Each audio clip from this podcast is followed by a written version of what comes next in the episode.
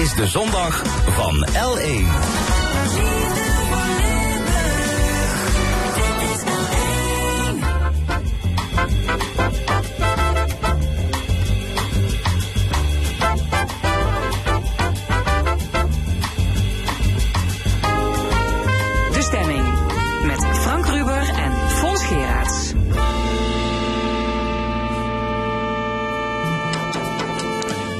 Welkom bij de stemming. Vandaag met de volgende onderwerpen. De SP voert actie voor behoud van de ouderwetse camping. En dus tegen investeerders die er vakantieparken van willen maken.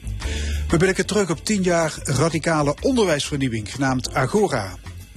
En onze economieanalist Bart Verspagen die pleit voor een nieuw belastingstelsel. De vervuilende zware industrie komt vaak negatief in het nieuws. Maakt de industrie genoeg werk van duurzaamheid? In het tweede uur praten we met een ondernemer en een vertegenwoordiger van Extinction Rebellion. Dan nog een column van Jos van Wersch en het panel discussieert over de oorlog in Israël en Palestina en andere actuele zaken. Tot 1 uur is dit de stemming. De ouderwetse camping dreigt te verdwijnen. Investeerders kopen overal kampeerterreinen op om ze om te bouwen tot luxe vakantieparken. De aloude tent en caravan worden vervangen door stenen chalets. Ook in Limburg is al menige familiecamping opgekocht. Kamperen voor de gewone man wordt dus steeds lastiger. En bovendien is die verstening ook niet gunstig voor natuur en landschap. We gaan erover praten met SP Tweede Kamerlid Sandra Bekkerman en met Peter Visser, voorzitter van de stichting Natuurlijk Guldal. Goedemorgen allebei. Uh, mevrouw Bekkerman uh, op afstand. Uh, want, ja, mevrouw Bekkerman, weet u op welke schaal campings de afgelopen jaren zijn omgebouwd naar vakantieparken met dure huizen? Als we naar heel Nederland kijken. Nou ja, goedemorgen. Um, ja, dat weten we enigszins, hoewel het nog best wel ingewikkeld is. Maar het PBL, Planbureau voor de Leefomgeving, die heeft deze week een, een rapport uitgebracht. Uh, en die uh, zeggen dat in procentuele zin um, de uh, op, toename in Limburg het grootste is. Um, dus ja, juist in Limburg, in Zeeland gaat het eigenlijk om de aantallen, maar Limburg uh, ja, in procentuele zin ziet de grootste toename van uh, ja, dat soort luxere vakantiehuisjes. Ja, de afgelopen vijf jaar 10.000 vakantiewoningen extra zijn er bijgekomen in ja. het hele land dan. Ja, Zeeland en Limburg uh, die zijn dus heel populair voor mensen die blijkbaar vakantiehuizen willen bouwen. Enig idee waarom in deze twee provincies? Nou ja, ik moet natuurlijk zeggen dat Limburg ook heel erg mooi is. Um, maar, uh, en dat is eigenlijk de grote kanttekening die PBL ook plaatst. Heel vaak wordt gezegd uh, dat er meer behoefte is aan luxere vakantiewoningen. Uh, PBL laat eigenlijk zien dat dat niet klopt of niet helemaal klopt. Het is ook vooral echt gewoon een ordinaire centenkwestie. Er kan aan verdiend worden. En dat is ook waarom het ja, zo massaal eigenlijk omgebouwd wordt tot luxere parken. Um, dus ja, het gaat heel vaak gewoon over geld. En daarnaast zegt PBL ook dat uh, vakantiewoningen die er al zijn... bijvoorbeeld gebruikt worden voor andere doelen dan recreatie bijvoorbeeld. Om um, arbeidsmigranten te huisvesten... waardoor je dus steeds de noodzaak hebt tot het bouwen van nieuwe woningen. En wij willen daar dus een stop op. Ja, want het gevolg is, uh, nou er zijn heel veel gevolgen, maar één gevolg is bijvoorbeeld dat de traditionele kampeerder moet wijken. Ja, er zijn uh, heel veel mensen in Nederland die eigenlijk ja, gewoon uh, jaar in jaar uit, soms decennia lang, soms generaties lang, uh, recreëren op dezelfde plek. En zij bouwen dan vaak zelf hun eigen chalet of hun eigen staakerven en ze huren de grond. En ja, mensen ja, zitten daar dan heel lang. Um, maar op het moment dat zo'n camping verkocht wordt, dan blijken zij helemaal geen rechten te hebben. En moet zij dus in één keer, ja, vaak binnen een paar jaar en soms ook nog sneller, gewoon weg. Ja. Dat vinden wij heel terug en dat moet dus stoppen. Ja, het, het gebeurt in Limburg dus ook uh, massaal. Peter Visser van de Stichting Natuurlijk Guldal, u ziet dat ook om u heen. De traditionele kampeerder moet weg ja. en het landschap is te dupe. Ja, exact. Het lands landschap en de mensen, de kampeerders, zijn te dupe. Ja, wat, wat zie je in het landschap? Wat gebeurt er? Uh, verstening, verstedelijking, dat is een, uh, wat natuur betreft natuurlijk het grootste probleem. Uh, campings in Zuid-Limburg, maar ik denk ook elders in Limburg, die zijn vaak alleen in het zomerseizoen open. Waardoor dat stuk landschap, veel tenten verdwijnen en zo, weer kan herstellen in de winter. En rond 15 maart, dan mogen die campings weer open. En dat is natuurlijk veel veel minder schadelijk dan dat je daar eh, tientallen huisjes op een bepaalde plaats neerzet. Die niet alleen huisje zijn, maar ook nog ehm, de weggetjes ernaartoe. Allemaal verstedelijking, bestrating, zeer veel schade voor de natuur. En ook voor de mensen die op dit ogenblik op die campings zitten. Want die worden gewoon eruit gebollejoerd. Ja, we hadden laatst een ondernemer hier zitten die zei van... nou, als je nu kijkt naar die staakervens, dat is ook vaak lelijk in het landschap. En die vakantieparken, die kun je heel mooi in het landschap inbouwen. Dat is een prachtige harmonie en daar gaat eigenlijk iedereen op vooruit. Ik wil niet zeggen dat elke camping er heel mooi uitziet. Ik heb trouwens in Limburg al een paar campings gezien waar uh, de eigenaar bewust uh, heel veel struiken en bomen heeft uh, weggehakt en gesnoeid. En dan denk ik van, oh, dat gaat verkocht worden. Ja? Dus uh, op zich hoeft een camping niet lelijk te zijn. Het ziet er anders uit. Maar het blijft Maar je hebt natuurlijk van die campings waarvan die lelijke staakerven staan. Dus de vraag, is dat een aanwinst voor het landschap? Uh, ik wil niet zeggen dat het een aanwinst voor het landschap is. Maar nogmaals, in de winter zijn ze in de regel gesloten. Maar uh, huisjes, die zijn eenmaal vast. En uh, bij de meeste contracten die gesloten worden... mag een huisje wat misschien nog heel leuk uitziet... Uh, na tien jaar gewoon omgebouwd worden tot een stenen huis. En dan heb je een nieuw dorp in, in het open land... Nou, dat moeten we niet willen. En nee. ook nog vaak tegen Natura 2000 gebieden aan, zoals bijvoorbeeld in Kottense. Ja. Uh, Sandra Beckerman, SP Tweede Kamerlid. Uh, gisteren was er een bijeenkomst op een camping in Appeltern, dat is in Gelderland, want het hele verhaal speelt landelijk. U heeft daar onder andere een verhalenboek gepresenteerd. Wat, wat staan daar voor verhalen in? Ja, we hebben recreanten eigenlijk inderdaad uit heel Nederland gevraagd van... ja, wat, wat gebeurt er nou eigenlijk bij jullie op de camping? En heel veel mensen hebben hun verhaal gedaan. Um, en het zijn ja, vaak hele emotionele verhalen. Ook mensen die zeggen, ja, ik woon in een vrij anonieme woonwijk uh, in een stad... maar juist op de camping, daar heb ik mijn netwerk... En daar uh, kijken mensen nog naar elkaar om. Dat is echt mijn gemeenschap. Dus, uh, en ja, ook financiële kant. Dus mensen die ja, gewoon heel veel um, tijd, maar ook dus geld hebben geïnvesteerd in hun plekje wat ze kwijtraken. Ja, het zijn ja, veelal toch wel hele heftige verhalen. Ja, u zei al, het is een verdienmodel. Hè? Het gaat niet zozeer om het ombouwen van zo'n camping omdat er vraag is naar vakantiewoningen, maar er wordt aan verdiend. Hoe zit dat precies? Ja, dat is uh, het punt inderdaad. Wij noemen het ook wel een beetje klassenstrijd op de camping. Um, er uh, zijn grote ondernemers. Uh, we hebben natuurlijk Roompot, we hebben Kapfum, er zijn er meer. en die kopen die parken om er dus luxere huisjes van te maken. Nou, dat is niet gedreven door een soort ja, weldadigheid. Ehm, het is ook niet gedreven door de vraag aan luxere vakantiehuisjes. Maar dat is gewoon een financiële overweging. Zij willen daar geld aan verdienen. Is een belegging. en aan ja, het is een belegging. En juist aan die wat ja, kampeerders zijn vaak mensen met een wat lager inkomen. Uh, daar verdien je toch veel minder aan. Die komen niet het hele jaar. Die betalen in één keer voor een heel jaar standplaats. Um, terwijl je voor een luxere vakantiehuis uh, gewoon per week uh, 1000 euro is dan nog zelfs aan de lage kant vaak. Ja. Um, dus ja, ordinair geld verdienen. Ja, Peter Visser, dit gebeurt in Limburg ook. Uh, Jazeker. ik geloof zelfs hier in de buurt, hè, waar wij nu zitten. Bergen ter Blijde is een voorbeeld. Ja, daar hebben we de Poort van Maastricht, heet de oude camping tegenwoordig. Camping Oriental. En ook daar worden huisjes neergezet. Maar dit is maar een voorbeeld. Het gebeurt bijna op alle Ja, want er zijn, er zijn een stuk of tien plekken wel in Limburg, geloof ik, waar, waar je zo uit de mouw kunt schudden. Waar ja, gebeurt. precies. Ja, heel makkelijk. Ja, ik kan ze allemaal op een rijtje Ja, Kottersen noemde nu al. Kottersen, Schwienswij, Rouwenhof ligt in de Maak.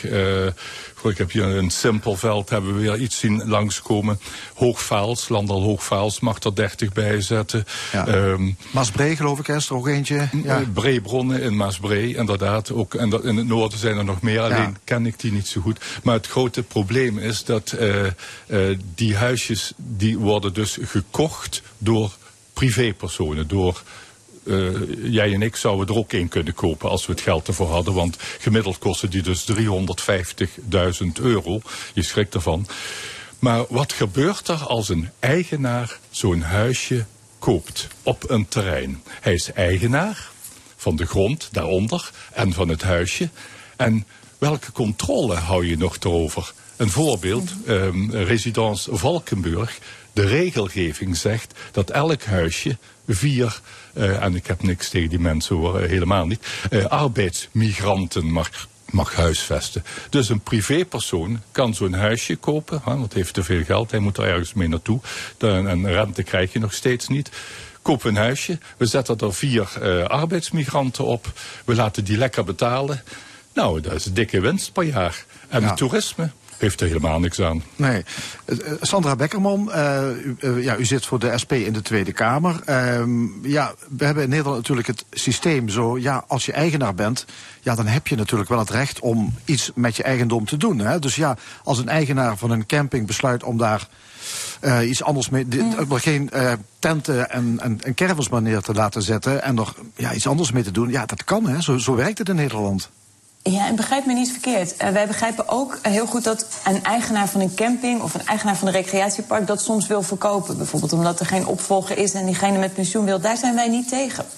Um, wat wij willen is dat uh, bijvoorbeeld recreanten dan recht krijgen op eerste koop. Uh, wat wij willen is dat recreanten niet zomaar meer van hun geliefde plek uh, verjaagd kunnen worden. En wat we willen is dat het landschap en natuur uh, beter beschermd worden. Dus wij zijn er niet tegen dat uh, ja, iemand die een camping heeft en met pensioen wil, dat hij die camping verkoopt. dat is alleen maar logisch. En wij vinden dat er heel goed moet worden gekeken hoe je kunt zorgen dat de omgeving en het landschap en zeker ook de recreanten daarop vooruit gaan. Dat er ook plek blijft voor mensen met een laag en gemiddeld inkomen om gewoon op vakantie te gaan. Ja, dan zou je daar een wettelijk, ja, wettelijke regeling voor moeten gaan treffen? Ik ja, hoor u over die uh, eerste kopen bijvoorbeeld ja. praten. Ja. Excuus. Um, uh, ja, we zien nu dat sommige gemeenten en ook provincies wel willen ingrijpen, maar daar eigenlijk beperkt mogelijkheden toe hebben. Dus we zien trouwens ook dat een aantal campings deze strijd hebben gewonnen. In Leekstermeer heeft de camping, die was al verkocht, hebben ze gezegd wij gaan hem terugkopen. En dat is uiteindelijk na heel veel actievoeren gelukt. Dus het is wel degelijk echt zinvol om in actie te komen. Um, maar tegelijkertijd zien we dat dat ook niet uh, voor iedereen uh, lukt. En dat gemeenten ook moeite hebben om, en, uh, om dit ja, echt aan te pakken. en daarom vinden wij inderdaad dat de wet veranderd moet worden, regelgeving veranderd moet worden. En dat is waarom ik een initiatiefnota heb gemaakt. Nou, bijvoorbeeld door dat recht op eerste koop, maar ook dat huurrecht. Dat is nu eigenlijk allemaal geregeld via een soort contracten. Um, voor sommige campings gelden die niet eens. En dan sta je toch wel echt uh, heel erg kansloos uh, als uh, ja, individuele um, kampeerder. Ja, u heeft een initiatiefnota opgesteld.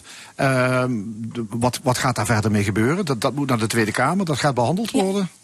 Ja. Um, ja, en dat is voor mij heel belangrijk. Uh, we hebben zelf het initiatief genomen dat we heel veel voorstellen al hebben gedaan. Maar je merkt in de Tweede Kamer ja, heel veel uh, mensen die daar zitten komen wel op die luxere vakantieparken, gaan daar een weekendje heen of een weekje heen, maar die komen niet zo snel op campings. En het beeld wat mensen hebben van campings, uh, dit, dat klopt gewoon niet helemaal. Mensen denken al snel aan de, nou, de echte heftige dingen als, uh, als een Fort Oranje. terwijl nou, als je naar de Cotesse Hoeve gaat, jongens, dat is echt prachtig. Um, en ik, daarom doen we ook echt heel erg veel moeite om ja, te zorgen dat Tweede Kamerleden ook begrijpen wat het is. Uh, en waarom het zo belangrijk is om uh, ja, ook hier wat tijd voor vrij te maken. Want ja, we weten allemaal dat recreëren ook voor ons allemaal heel erg van belang is. Uh, af en toe even de kop leegmaken in nou, misschien wel de prachtige Limburgse natuur is gewoon heel erg belangrijk. Ja. En dat kan hier zo goed. Ja, Peter Visser, voorzitter van de Stichting Natuurlijk Geldal. Het is opmerkelijk dat ook in het Geldal, maar ook overal aan allerlei plekken in Limburg, dat je ziet dat het, het dus wel kan om een camping om te bouwen, om daar huisjes neer te zetten. Terwijl ja, als je gewoon een huis wil bouwen, is dat een stuk moeilijker. Hoe, hoe kan dat? Waarom zijn gemeenten misschien zo makkelijk, of lijkt dat maar zo? Het is heel vreemd dat uh, een, een, eigenaar van zo'n uh, camping dat zomaar kan ombouwen tot huisjespark. Ja, maar dus, dus er een bestemmingsplan, en moet hij zich toch ook aan houden? Ja, terwijl de behoefte eigenlijk aan gewone woningen, sociale woningbouw, blijft gewoon ver achter. Daar komt men niet aan toe. En natuurlijk, je moet je houden aan bestemmingsplannen, dat klopt. Maar uh, veel bestemmingsplannen zijn erg ruim. Dat, als er ergens bestemming recreatie op staat ja, dan is een, uh, een ombouw naar een huisjespark makkelijker dan dat je bijvoorbeeld bestemming, uh, vastere bestemming camping hebt.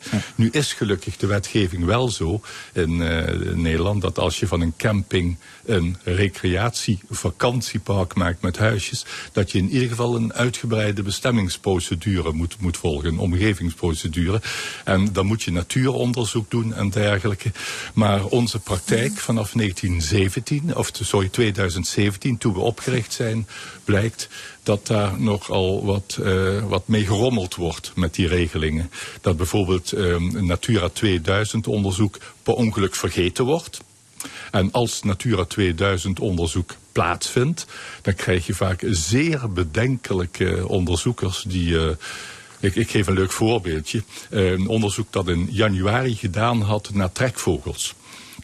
En hij ontdekte dat er geen trekvogels waren. Dus dat was geen probleem.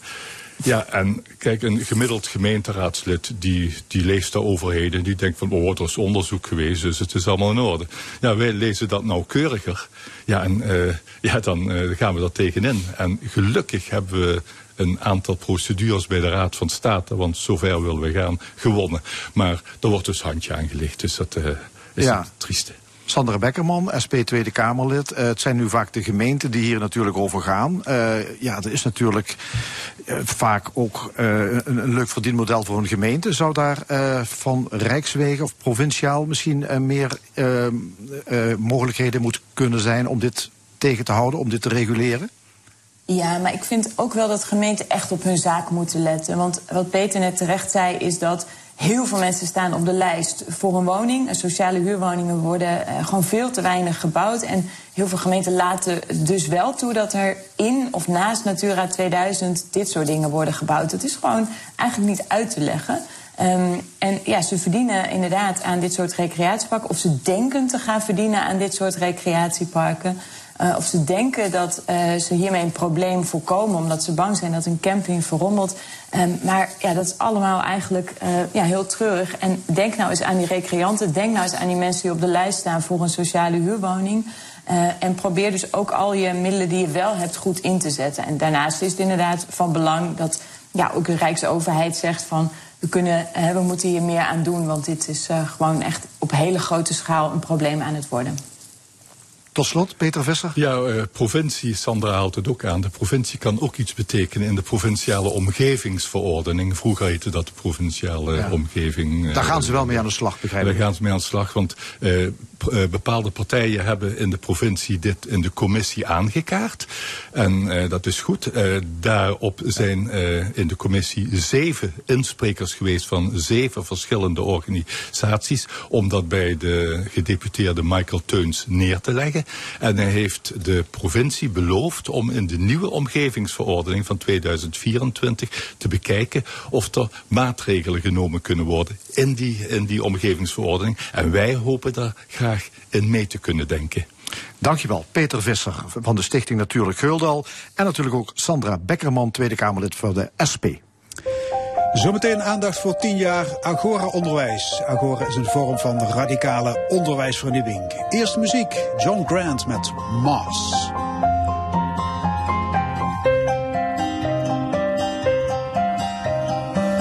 Bittersweet strawberry marshmallow butterscotch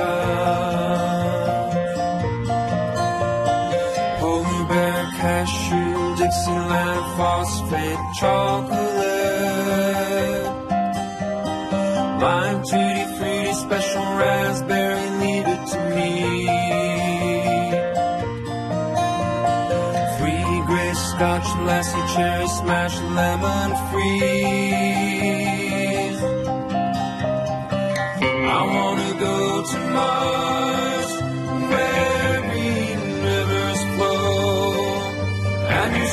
16 is waiting for you after the show. I wanna go to Mars. You'll meet the Goldust twins tonight. You'll get your heart's desire. I will meet you under the light.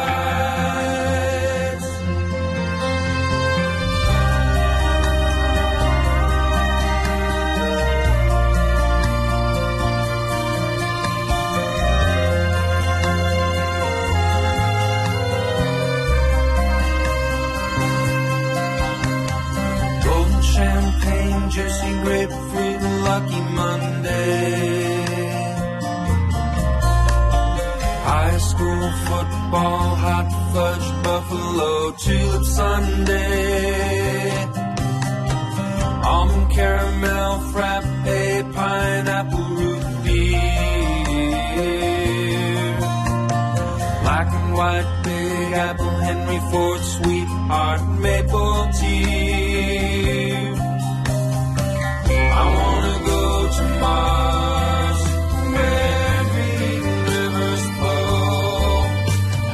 Sweet sixteen is waiting for you after the show. I wanna go to Mars. You'll meet the tonight. You'll get your heart's desire.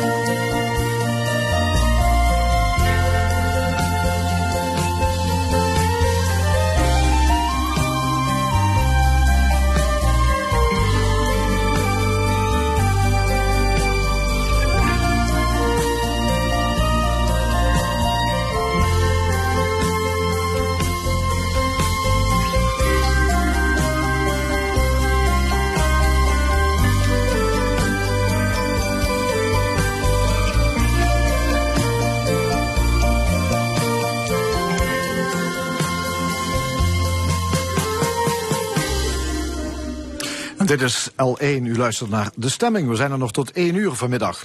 Agora-onderwijs bestaat 10 jaar. Bij de start was het iets totaal nieuws. Want het onderwijs draait daar niet om toetsen, proefwerken en rapporten... maar om persoonlijke ontwikkeling. Elk kind bepaalt zijn eigen leerroute. En tien jaar later bestaat het concept nog steeds. Sterker nog, het is verder uitgerold. Er zijn nu zo'n 30 Agora-scholen in Nederland. Aan tafel Jan Vase, een van de oprichters, en Jos Klaassen, emeritus hoogleraar onderwijskunde. Heren, welkom. Jan Vase, even terug naar 2013. Ja. U was schoolleider. Ja. Wanneer kreeg u het gevoel, het voortgezet onderwijs deugt niet? Dat had ik al lang. Dat had ik eigenlijk vanaf het moment, ik beschrijf dat ook in mijn boek, vanaf het moment dat ik in het onderwijs ging werken. En dat was in 2000, 1990, 1999, 2000. En toen dacht ik terug aan mijn eigen schooltijd. En ja, daar heb ik niet zo'n goede herinneringen aan. Ik heb niet het idee gehad toen ter tijd dat uh, de, de nieuwsgierigheid die ik had, wat ik wilde met mijn leven. Ik wist eigenlijk best wel vroeg wat ik wilde met mijn leven, maar daar vroeg nooit iemand naar. En ik moest uh, vakken volgen. En ik zat ook nog op een school waar ik me niet thuis voelde. En ja, ik kijk daar niet met heel veel plezier op terug. En toen kwam ik zelf in het onderwijs als leraar daar te werken. En ik dacht, er is eigenlijk helemaal niks veranderd. En ja, ja, wat, wat dacht u? Wat, wat is er dan mis concreet met het voortgezet onderwijs, het reguliere onderwijs? Wat, het, wat het, het fundament waar het voor mij om draait is dat, en daarom zijn we Agra ook begonnen, dat het plezier in leren, het plezier in opgroeien, het plezier in ontwikkelen, dat is volgens mij elk mens met de biologie meegegeven, dat wordt gefrustreerd. En dat hebben wij weer tot leven gewekt op Agra. Met plezier naar school gaan. En daar u, de u, dingen zag doen. gebrek aan motivatie onder leerlingen op grote volop, schaal. Volop. Niet voor niks bungelt Nederland in een internationale ranking ergens onderaan aan een lijst van uh, waar, uh, waar uh, kenbaar wordt gemaakt hoeveel procent van de leerlingen met plezier naar school gaat om daar te leren. Dus de leerlingen zijn niet gemotiveerd om te leren op zich. Ze gaan wel graag naar school, maar niet om te leren. Ja. Met alle gevolgen van die ook voor die leraren. Hè, want die moeten daar iedere dag wat van zien te maken. En toen bent u met drie geestverwanten rond de tafel gaan zitten Ja. om te brainstormen over hoe het beter kan. Ja, nou, daar hadden we niet zo lang voor nodig. Ik bedoel, je gebruikt je gezonde verstand. Je kijkt wat de wetenschap zegt. En dan ga je beginnen. Dus op een middag hadden wij een, een boekje, een klein boekje geschreven. Vierkant boekje, 13 pagina's. En daar staat het verhaal van Agora. En dat gaat over plezier in leren. En die, ja, die hongerige leermachines wat kinderen zijn, die staan aan en zorgen dat die aanblijven. Maar gaat dat, dat eerste visiedocument van Ja. 13 bladzijden, dat is nog steeds up-to-date. Dat, ja, ik, nou, met het schrijven van mijn boek heb ik het er weer eens bij gehaald. Ik denk, verdik me. Ik zou het nog steeds zo geschreven hebben. Ja. Ehm, ja, het moest dus over een andere boeg worden gegooid. Eh, geen roosters, geen vakken, geen boeken, geen rapporten, geen zitten blijven. Wat komt er voor de plaats? Wat blijft er over eigenlijk? Wat, wat, wat er overblijft is dat elk kind elke volwassene, hè, zoals wij hier ook bij elkaar zitten, wij willen gewoon dat deze uitzending een succes wordt. Dat dit een mooi gesprek wordt over onderwijs. Kinderen willen dat ook. Die willen betekenisvol, die willen resultaat boeken, die willen gewoon een mooie dag hebben en die willen beter worden in iets. Die zijn ook nieuwsgierig en daar waar ze nieuwsgierig naar zijn, dat willen ze onderzoeken. Dus kinderen hebben op Agra iets te zeggen over wat ze willen leren en wat ze daarmee willen bereiken. Dat is het eerste. Het tweede is dat ze dat natuurlijk niet alleen kunnen. Kinderen moeten zich gezien voelen, gehoord voelen. Ja, en ze moeten zich ook leren verhouden tot andere kinderen die ook in die groep zitten. Ze zorgen ook voor elkaar en ze hebben daar volwassenen bij nodig. Ja. Kinderen kunnen niet alleen maar zelfstandig leren. Ja, En jullie noemen dat geen leraren, maar coaches. Ja, nou, ja, ja. ik heb begrepen dat u niet kapot bent van die term. Ik ben er niet zo coach. kapot van. Nou ja, goed, hij wordt, hij wordt gebruikt omdat ik vind dat de leraren die dit werk doen, zich daarmee tekort doen. Want het zijn gewoon vaklui van de bovenste plank. Het zijn mensen, het zijn uitstekende pedagogen, het zijn uitstekende didactici, het zijn onderwijzers en ze zijn soms ook coach. Maar die, ik snap dat wel, want die focus bij AGA die ligt natuurlijk op die begeleiding van dat leerproces van dat kind. Want het kind bepaalt immers zelf wat het wil leren en wat het Ja, gaat doen. snap ik. Maar maak het even concreet. Hoe ziet een dag van een doorsnee Koreaan leerling eruit? Nou, Hij komt binnen en dan? dan zijn de leraren al een uur op school. Dus leraren hebben elke dag twee uur de tijd om met elkaar na te denken over vijf jongens. Hoe ging het vandaag? Hoe ging het gisteren? Hoe ging het met ons? Hè? Hoe is het met ons plezier? En hoe kunnen wij ons werk vandaag weer beter maken? Daar begint het mee. Dus als die leerling om negen uur komt, zijn die leraren al een uur bezig. Dan beginnen die leerlingen met een dagstart. Dat is het allerbelangrijkste moment van de dag. Ze zitten dan in een groep leerlingen bij elkaar. Die hebben gewoon één leraar. Doorgaans in het voortgezet onderwijs heb je er veertien in een week. Ze hebben er slechts één. En die starten de dag op. En daar gaat het vooral, gaat het natuurlijk ook over het gegeven van ja, hoe zit iedereen erbij? Hè? Hoe was de dag? Wat speelt er in de wereld? Maar ook, ja, als, als er zaken in die groep spelen, wordt dat uitgepraat. Maar leerlingen vertellen daar ook van wat ze aan het doen zijn. Hè? Welke challenge, zoals wij dat dan noemen. Welke challenge dat ze onderhand hebben. Welke vragen dat daarbij opkomen. En welke andere leerlingen of ouders van leerlingen hen daarbij kunnen helpen. Nou, om half tien is die dagstart afgelopen en dan gaan ze met hun challenge aan de slag. Dan gaan ze dus verder, afhankelijk van het onderzoek wat ze doen. Als ik nog een groep had gehad, had ik ongetwijfeld nu drie of vier leerlingen meegenomen. Want die waren ongemeen fa- gefascineerd geweest over wat hier gebeurde. Ja. En die maakten daar een challenge van. Dan hebben we om twaalf uur pauze. En na de pauze hebben we iedere middag een stiltemoment. Dat stiltemoment is om even weer de leerlingen te laten ervaren wat het betekent, maar ook wat het met, de, met je hersenen doet, om eens even heel rustig te worden. Je mag daar mediteren, je mag daar lezen, je mag daar slapen, je mag daar rustige muziek luisteren, dat mag allemaal. Een half uur. Dat is een zegen, ook voor mijzelf. Ik heb altijd een boekje bij me als ik naar een agra ga, want ik weet, na de pauze is een half uur stilte. Daarna gaan ze weer aan de slag met hun challenge en we ronden de dag af met de dagafsluiting. Hoe ging het vandaag? En dan gaan de, de kinderen gaan naar huis en de leraren gaan weer een uur met elkaar reflecteren en eh, ja, terugblikken of andere Ja, dingen. maar er zal toch ook wiskunde gegeven moeten worden en economie en biologie en Nee, geschiedenis, dat hoeft of niet? Nee, dat hoeft niet. Nee, nee. Waarom moet dat? Nee. Nee. Maar jullie hebben toch hetzelfde centraal schriftelijk Zeker, eindexamen zeker. als Dus- een normaal VMBO, eh, HAVO, VWO, noem maar op. Zeker. Wij, En wanneer wij wordt die stof dan geleerd? Wij voldoen eh, natuurlijk aan de wet. Hè? We overtreden nergens de wet. En wat de overheid denk ik goed gedaan heeft, is dat ze met een nationaal curriculum ervoor zorgt dat elke leerling minstens met dezelfde bagage van school gaat. Ja. Hè? Daar hebben wij ons ook toe te verhouden. Maar de weg daar naartoe, ja, die is bij ons fundamenteel anders. Die gaat echt vanuit die intrinsieke motivatie en de nieuwsgierigheid voor die kinderen. Bijvoorbeeld heel concreet. Stel, die leerlingen, ik had ze meegenomen. Dan, waren er een, dan gaan we ook kijken van ja, wat maakt dat je hiermee naartoe wil. En dan zijn er leerlingen die willen echt iets weten van jullie werk. Hè? Wat is dat nou, een journalist? Wat doet die? Dat raakt ook taal, dat raakt Nederlands, dat raakt verslaglegging, dat raakt dingen mooi opschrijven, dat raakt dingen goed vertellen. Maar er zijn ook leerlingen die willen weten hoe, hoe zo'n, wat wij nu vertellen, hoe dat in de lucht komt bij al die mensen thuis. Ja, dat raakt natuurkunde, dat raakt ook wiskunde. Dus al spelende, al onderzoekende, ja, gaan die kinderen aan de slag. En wij zorgen er natuurlijk wel voor, want nogmaals, zij kunnen dat niet alleen. Ze hebben daar leerkrachten voor nodig. Dat daar de wiskundeleraar en de natuurkundeleraar op het juiste moment bij aansluiten. En dan willen die kinderen, die willen het ook weten. Want ze willen het snappen wat hier gebeurt. En niet omdat die leraar dat zegt, maar omdat ze zelf hier naartoe zijn gekomen. En willen begrijpen van ja, hoe zit dat nu met zo'n uitzending? Ook aan tafel Jos Klaassen, emeritus hoogleraar onderwijskunde aan de Open Universiteit. U heeft als wetenschapper van begin af aan Agora gevolgd. Hoe was het in het begin voor u? Was het erg wennen?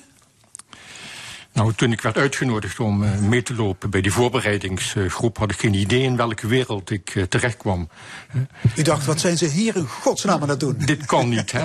Uh, zonder Ja. proefwerk, zonder huiswerk, zonder rapporten, et cetera. Ja, er was in het begin ook heel veel kritiek op. Hè? Ze zouden ontoelaatbaar experimenteren met kinderen. Ja, ja. Had, u, had u ook zoiets van, wat, wat, wat is Nou, we- dit voor... in, in die voorbereidingsgroep hebben we een jaar lang, hebben we iedere woensdagmiddag waren we bezig met zeven docenten. En ik mocht erbij aanwezig zijn om na te denken, goh, wat gaan we dan doen? Hè? Je kunt wel aangeven wat je niet wilt, maar op een bepaald ogenblik moet je een dag wel gevuld hebben. Dus we hadden een aantal eh, ruwe bouwstenen waarvan we dachten, goh, daar gaan we mee aan de slag. En eh, dat hebben we voorgelegd aan het bestuur. En ik herinner me nog altijd die sessie toen we dat voorlegden aan het bestuur.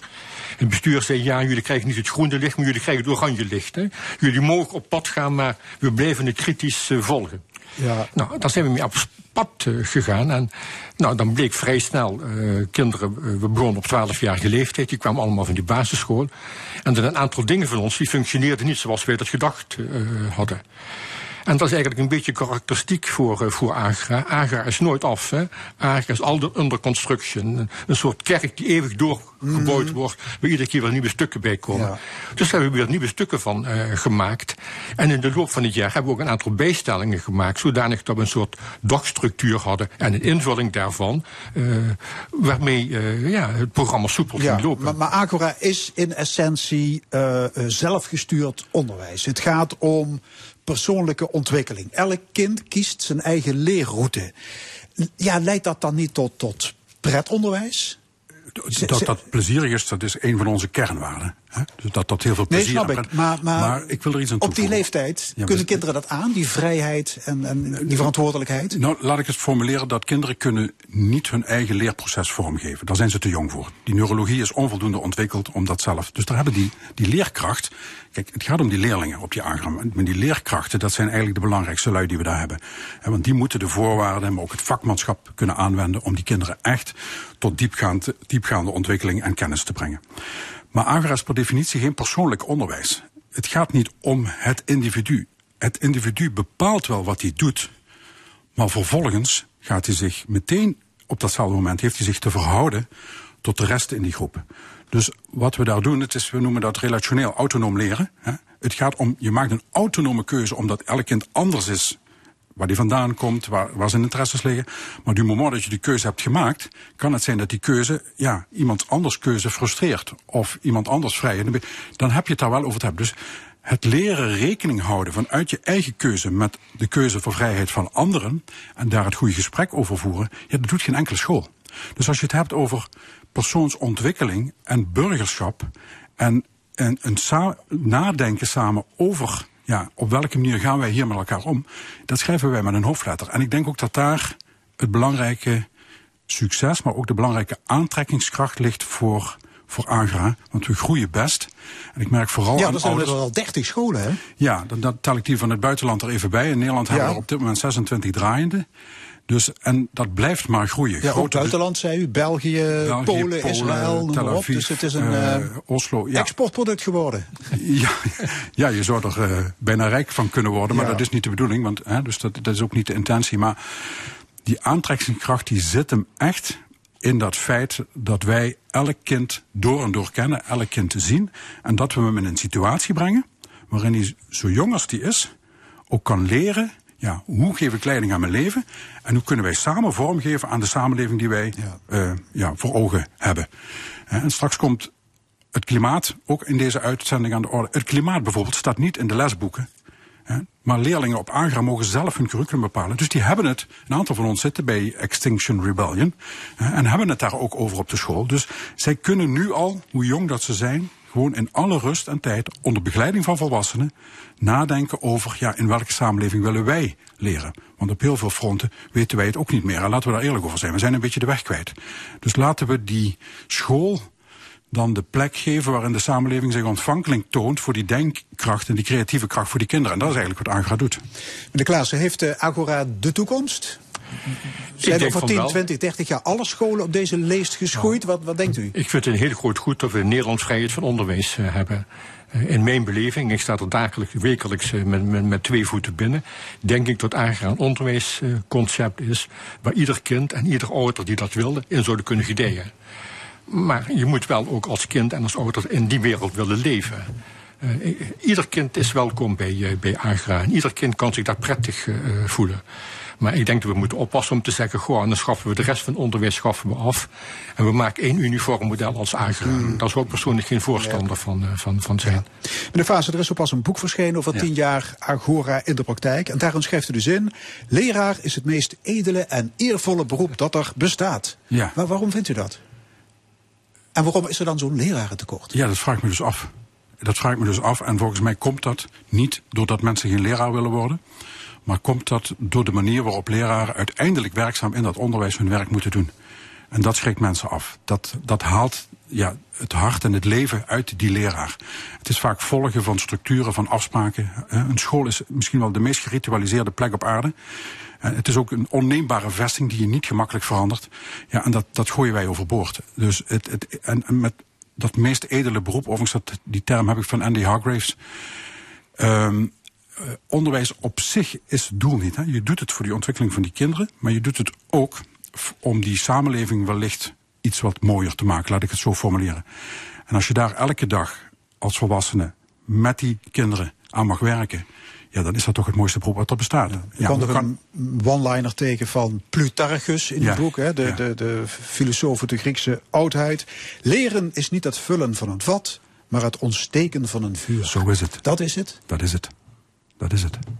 En u blijft als wetenschapper tot 2025 Agora volgen, monitoren. monitoren. Maar wat we op het ogenblik doen, en dat, is voor mij is dat, zeg maar, de kerndoelstelling van, van Agora.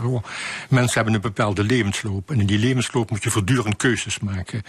En wat we proberen binnen Agora is eigenlijk die keuzevaardigheid van die leerlingen.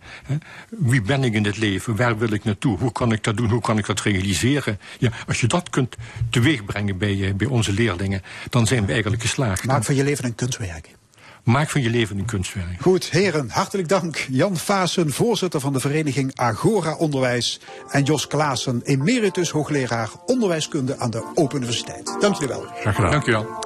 Vrijdag komt het nieuwe album van de Rolling Stones uit. Acne Diamonds. Het is het eerste album in 18 jaar tijd, dus nog vijf nachtjes slapen. Intussen draaien wij Fool to Cry. En dat is uit 1976.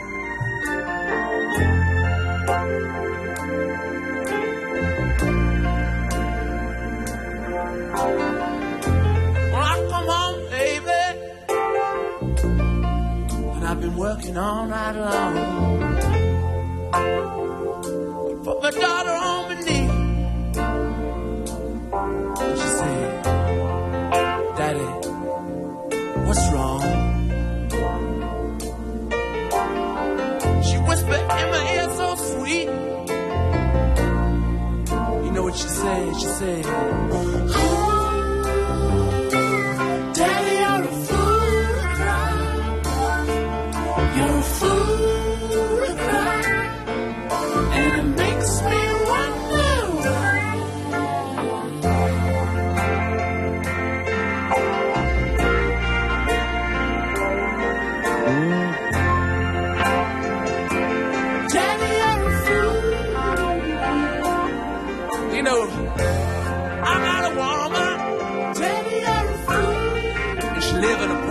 Part of town.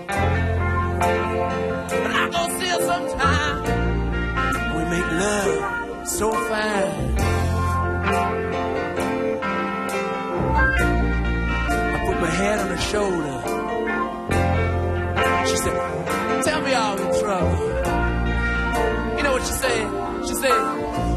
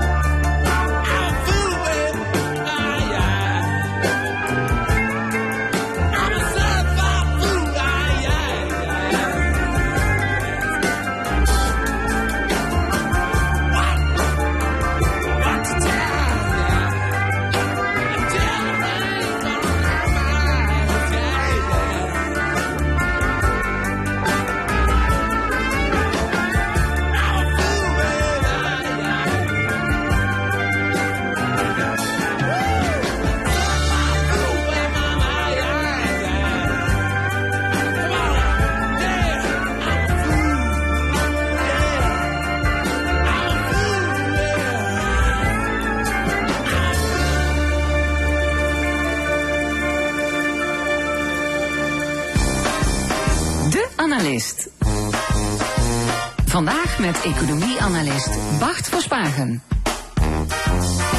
Goedemorgen Bart. Goedemorgen.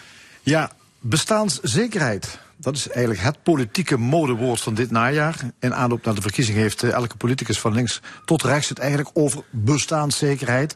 Eh, Een nieuw woord. Vroeger hadden we het geloof ik over armoede. Of is het toch niet hetzelfde? Ja, het is toch niet helemaal hetzelfde. Het heeft wel met elkaar te maken, maar eh, ja, bestaanszekerheid dat gaat wel over inkomen en lonen, minimumloon, et cetera. Maar het gaat toch vooral ook over of je bepaalde basisbehoeftes zoals een, eh, goed onderkomen, dus eh, een woning, eh, goede gezonde voeding, onderwijs voor je kinderen, of je dat soort dingen kunt veroorloven met het inkomen dat je hebt. Dat is eigenlijk hoe we bestaanszekerheid wat breder moeten interpreteren dan alleen maar armoede. Ja, ja, vroeger keken we voor dat soort begrippen geloof ik naar de derde wereld. Kijken we dus ook om de deur, om, om, de, om de hoek van de straat naar, naar dit soort eh, zaken als bestaanszekerheid. Ja, de, de- als je kijkt naar hoe economen dat eh, benaderen, dan eh, ja, hebben de ontwikkelingseconomen, dus mensen die economieën in de derde wereld bestuderen, wat we vroeger de derde wereld noemden, hè, dat is Ja. niet meer zo'n moderne term inmiddels. En die gebruiken daar de term voor leefbaar loon. En een leefbaar loon, dat is een inkomen wat je hebt waarmee je aan al die basisbehoeften kunt, eh, kunt voldoen. Eh, en dat was dus vooral belangrijk in die ontwikkelingslanden. Eh, maar intussen is het ook in Nederland wel iets geworden wat eh, belangrijk is, waar we ja, een, een bepaald idee aan kunnen ontwikkelen over wat we hier zouden moeten doen in termen van beleid. Ja, betekent dat ook eh, dat de verantwoordelijkheid dus bij ondernemers, bij de werkgevers ligt? Want ik hoor jou zeggen, ja, het, loon dat moet toereikend zijn om die bestaanszekerheid te garanderen. Ja, dat is inderdaad hoe het in die ontwikkelingslanden ligt. Hè. Intussen is het zo dat Nederlandse bedrijven die worden binnenkort verplicht om in een hele keten bepaalde principes van ja, duurzaam en, en rechtvaardig ondernemen toe te passen. En dat betekent onder andere dat ze in eh, toeleveringsbedrijven die ze gebruiken in ontwikkelingslanden, dat ze moeten zorgen dat ook daar die leefbare lonen betaald worden. Dus het is iets wat echt vanuit die ontwikkelingslanden komt, maar intussen ja, moet je toch ook gaan afvragen, is dat wel iets wat, eh, wat ook in Nederland eh, toegepast zou moeten worden? Ja, terwijl we toch, denk ik dan, we hebben het minimumloon. Dat is wettelijk, hè, dat is gewoon door de overheid afgesproken, ge- geregeld. Dit moet je op zijn minst verdienen. Is dat dan niet voldoende om die bestaanszekerheid te garanderen? Nou, dat was het misschien eh, een aantal jaren geleden nog wel. Maar intussen hebben we een enorme golf van inflatie gehad, prijsstijgingen. En ja, kun je eigenlijk niet meer zeggen dat zo'n minimumloon ook echt een leefbaar loon is. We hebben het dan ook over verhoging van eh, zo'n minimumloon. Maar ja, dan zie je toch dat de ondernemers in Nederland daar heel erg op tegen zijn. Hè. Die zeggen, ja, als wij aan iedereen zo'n minimumloon moeten betalen wat hoger ligt dan wat het nu is, 10, 15 procent meer, ja, dan kunnen wij een heleboel bedrijven kunnen, eh, kunnen dat niet meer aan. Die zijn dan niet meer levensvatbaar. Dat is wat er vanuit de ondernemershoek gezegd wordt. En dan zie je dus dat dat wel een probleem is. Ja. Is dat ook zo? Zijn er misschien voorbeelden uit het verleden dat je zegt van dat een verhoging van lonen in Nederland inderdaad ertoe leidt dat ja, bedrijven niet meer levensvatbaar zijn hier? Ja, ik denk dat het wel goed is om te redeneren in termen van zo'n voorbeeld. Hè. En als je dan, uh, een, goed voorbeeld is dan de textielindustrie. In de, in de jaren 60, de jaren 70 werd nog heel veel kleding in Nederland gemaakt. Nou, dat was niet meer haalbaar. Uh, om die kleding betaalbaar te houden voor Nederlandse consumenten, moesten we een heleboel van die werkzaamheden uit gaan besteden naar uh, andere landen, naar ontwikkelingslanden. Bangladesh is een, is een goed voorbeeld. En in Bangladesh daar is een leefbaar loon tegenwoordig ongeveer 250 euro per maand. Uh, en als je dat betaalt, ja, dan kun je hier in de winkel een spijkerbroek kopen voor pakweg 80 euro. Dan heb je wel een dure meteen. Uh, en als je dat vergelijkt met het minimumloon van ongeveer 2000 euro per maand in, uh, in Nederland, dan zie je dat ja, het is alleen maar betaalbaar te houden door dat, dat werk uit te besteden naar die ontwikkelingslanden. Ja, en die winkelbediende, die, ja, die heeft wel recht op zijn minimumloon. In Bangladesh zou een bedrijf dan die bestaanszekerheid ook moeten garanderen als de nieuwe regels er komen. Maar er zit natuurlijk nog een hele keten tussen. Ja, het, het probleem is natuurlijk dat, uh, kijk, die 250 euro in Bangladesh is toereikend. Maar we komen langzamerhand tot de conclusie dat voor al die banen die je in die keten niet kunt uitbesteden. Dus inderdaad de winkelbediende die in Nederland die spijkerbroek verkoopt. Of de courier die hem thuis bezorgt als je dat uh, online bestelt. Die, dat soort werk kun je natuurlijk niet uitbesteden. Dat zijn werknemers die in Nederland moeten leven en die dus ook een leefbaar loon in Nederlandse termen moeten verdienen. En ja, wat we nu dus horen vanuit de ondernemershoek is dat het eigenlijk niet meer haalbaar is om zo'n leefbaar loon te betalen aan die Nederlandse werknemers in die keten. En ja, dat is wel een probleem. Ik, ik, ik denk dat dat als je dat puur vanuit het oogpunt van die ene ondernemer, van zeg maar die winkelier bekijkt, dat dat misschien ook wel zo is. Maar die keten is natuurlijk veel breder dan alleen maar uh, die ene winkel waar, dat, uh, waar die spijkerbroek in verkocht wordt. Ja, want ja, goed, die, die, die ondernemer heeft te maken met dat minimumloon. Die, uh, ja, die, die kan nauwelijks omhoog. Ja, ik denk dat uh, voor veel winkels dat inderdaad niet uh, nog echt heel veel omhoog kan. Want die winkels die hebben natuurlijk ook te maken met uh, het, het winkelpand wat ze moeten huren. Dat, de huren die lopen ontzettend op. Vastgoedondernemers die een gedeelte van die waarde in die keten opsteken. Ze moeten natuurlijk een heleboel geld betalen aan de, de houder van dat merk. Want het is heel belangrijk om een merkspijkerbroek te hebben. Nou, dat maakt zo'n spijkerbroek erg duur. Ze moeten uh, transport betalen en al die zaken. Ja, dat zijn vaak bedrijven waar uh, helemaal niet gebruik gemaakt wordt van arbeid die dat minimumloon uh, verdient. Neem een, een vastgoedondernemer die dat pand verhuurt, die heeft heel weinig mensen in dienst die dat minimumloon verdienen. Dus uh, ja, die schuift dat af op de ondernemer die die spijkerbroek moet verkopen. En dat is waar we het meestal over hebben in de politiek als we het hebben over het minimumloon. Die ene ondernemer kan het niet betalen, maar ja, dat er tegelijkertijd een heleboel mensen zijn in die keten, een heleboel bedrijven zijn in die keten die superwinsten maken, echt uh, miljoenen, uh, honderden miljoenen per jaar.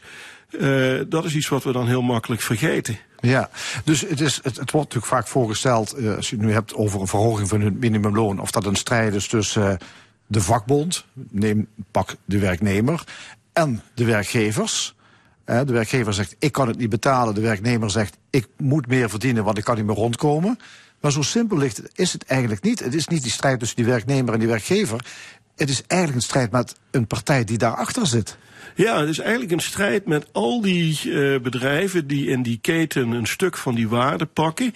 En ja, de indruk bestaat toch wel dat de bedrijven die, het grootste stuk van die waarde pakken, die uh, onttrekken zich een beetje aan die onderhandelingen. En dat zijn die, die houders van het merkrecht, die strijken gewoon hun licentierechten op en die sluizen dat geld meestal weg naar een belastingparadijs. De, de vastgoedondernemers die de huren indexeren en steeds ieder jaar jaar gewoon eh, extra geld binnenslepen. En ja, je zou eigenlijk die partijen ook moeten betrekken bij dat debat over dat minimumloon. Eh, en je zou die partijen ook een gedeelte van hun waarde moeten laten inzetten om die werknemers in die keten een leefbaar loon te kunnen betalen. Ja, er is maar één iemand die dat kan, dat is eigenlijk de overheid. Hè. Je kan die- dat soort bedrijven zou je dus extra kunnen gaan belasten. Bijvoorbeeld die vastgoedondernemers die, eh, die, die extreem hoge huurprijzen vragen. Pak die aan, zou je kunnen zeggen. Ja, dat is, en dan kom je dus ook terecht bij een, eh, bij een nieuw belastingstelsel. We hebben nu eh, een belastingstelsel waarin je eigenlijk vrij veel belasting betaalt op arbeid. Als jij iets verdient door je arbeid te verkopen aan een ondernemer, dan betaal je daar veel belasting op. En winst, en vooral ook die superwinsten, die worden veel minder belast, omdat de overheid vindt dat je het ondernemen moet, eh, moet stimuleren. Eh, en daar houden ze dus de belasting laag. Het gaat altijd over lastenverlaging voor het bedrijfsleven. Eh, en dan hebben ze het eh, vaak niet over die superwinsten die daar het gevolg van zijn. Ja. Is daar, is daar een kentering aanstaande? Zie jij dat misschien dat daar toch anders over gedacht gaat worden? Dus om die, die financiers, eh, de, de vastgoedondernemers, de, de, de, de, de firma's die het merkenrecht hebben, om die aan te pakken. Dat zou dan ook internationaal moeten gebeuren. Is daar iets van een kentering aanstaande? Nou, ik, ik zie nog niet echt een, een hele grote kentering. Wat ik wel zie is dat er iets gedaan wordt aan de belastingontwijking. Hè. Dus het, het gladstrijken van de belastingssystemen tussen landen, daar wordt wel iets aan gedaan. Dat je bijvoorbeeld eh, met je kapitaal naar de Cayman-eilanden gaat en daar. eh, Precies. Geen hè, belasting en, betaald. eh, De Cayman-eilanden is dan iets wat nog Ja. een beetje buiten schot blijft. Maar Nederland is ook een hele lange tijd zo'n belastingparadijs geweest. In, in mindere mate wel. Ja, daar wordt wel iets aan gedaan. Maar ik zie toch dat als je naar de politiek luistert. en ook de, de recente debatten over bestaanszekerheid. ja, dan gaat het toch altijd over dat minimumloon. of dat nou wel of niet betaalbaar is. Maar om het het belastingssysteem eens een keer radicaal te hervormen. waarin je zegt: oké, veel minder belasting op arbeid en vooral op die lagere lonen. En veel meer belasting op die superwinsten, dus die hele hoge winsten. Ja, dat zie ik, daar zie ik toch heel weinig eh, debat over. En ik denk niet Ja. dat heel veel politieke partijen daarmee bezig zijn. dat is op zich opvallend, want je zou zeggen dat is laaghangend fruit, hè?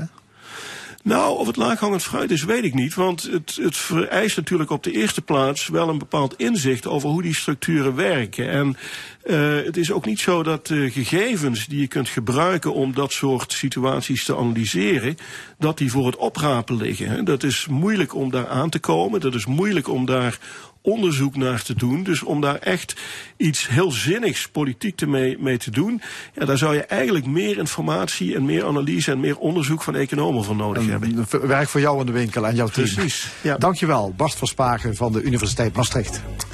Straks in de stemming de zware industrie die de laatste tijd nogal onder vuur ligt. Aan tafel een vertegenwoordiger van het bedrijfsleven en van het actiewezen. De Camelot Campus versus Extinction Rebellion. Wij hopen op een constructieve dialoog. Blijf luisteren. Tot zometeen.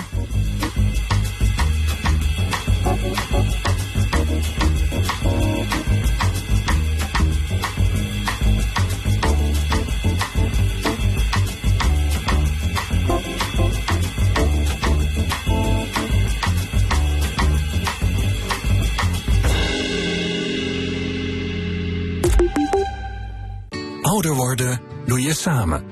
Wil jij vanuit jouw expertise een waardevolle bijdrage leveren aan een fijne dag voor ouderen? In het verpleeghuis of onze thuiszorg? Kijk voor zorg- en niet-zorgvacatures op vivantes.nl.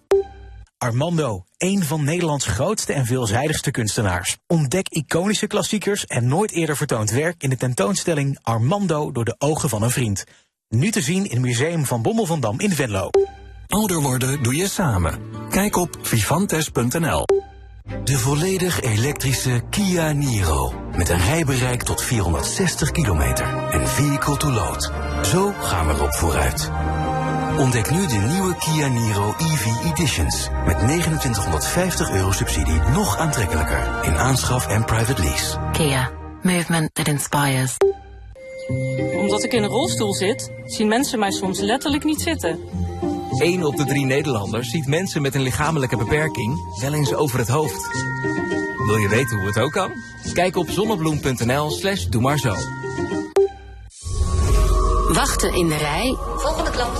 Werd snel langs de zelfscan. Bedankt en tot ziens. Kaart lezen. Oh, wacht, ik op de kop. Werd navigatie. Bestemming bereikt. En FM wordt DAB+. Ben jij al om?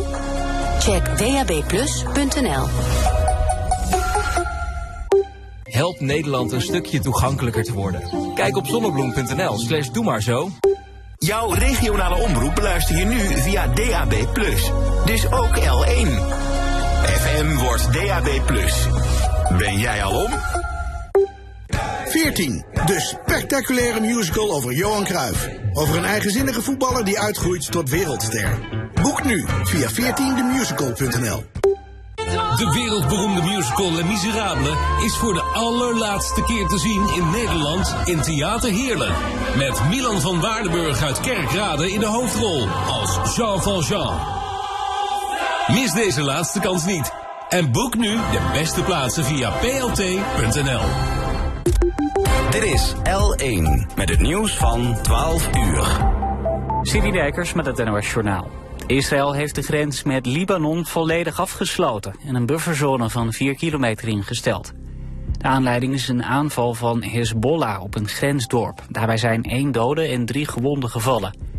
Vanwege de spanningen aan de grens met Israël en Libanon stuurt het Nederlandse leger militairen naar Libanon. Zij gaan er uit voorzorg heen om de ambassade in Beirut te ondersteunen als de situatie verder verslechtert. Israël heeft vanochtend een nieuwe deadline ingesteld. Inwoners van de Gazastrook hadden tot 12 uur Nederlandse tijd, nu dus om naar het zuiden te vluchten. Tot die tijd zei het Israëlische leger vluchtroutes niet aan te vallen. De deadline die inwoners van de Gazastrook kregen om te vluchten is al meerdere keren opgeschoven. De Amerikaanse minister van Buitenlandse Zaken, Blinken, heeft in Saoedi-Arabië een ontmoeting gehad met de Saoedische machthebber, kroonprins Mohammed bin Salman. Centraal stond de oorlog tussen Israël en Hamas. Blinken zei dat de VS met name inzet op vrijlating van de mensen die door Hamas worden gegijzeld en op maatregelen om verdere escalatie van het conflict te voorkomen. De Amerikaanse minister vindt dat er veilige zones in de Gazastrook moeten komen, waar vluchtende Palestijnen terecht kunnen voor opvang en hulp. Blinken, die een rondreis maakt langs Arabische staten, gaat vandaag ook naar Egypte. Polen kiest vandaag een nieuw parlement. 29 miljoen Polen mogen hun stem uitbrengen voor het lagerhuis in de Senaat. In de peilingen gaat de conservatieve PiS aan kop, maar de vraag is of die partij de absolute meerderheid behoudt. De belangrijkste uitdager is het burgerplatform van oud-premier Tusk. Het weer, buien trekken over het land, soms met hagel en onweer. Vanmiddag neemt de regen wel af en dan breekt ook vaker de zon door. Aan de kust waait het nog wel flink en het wordt een graad of 13. Dit was het NOS Journaal. Budget Home Store XXL geeft XXL korting.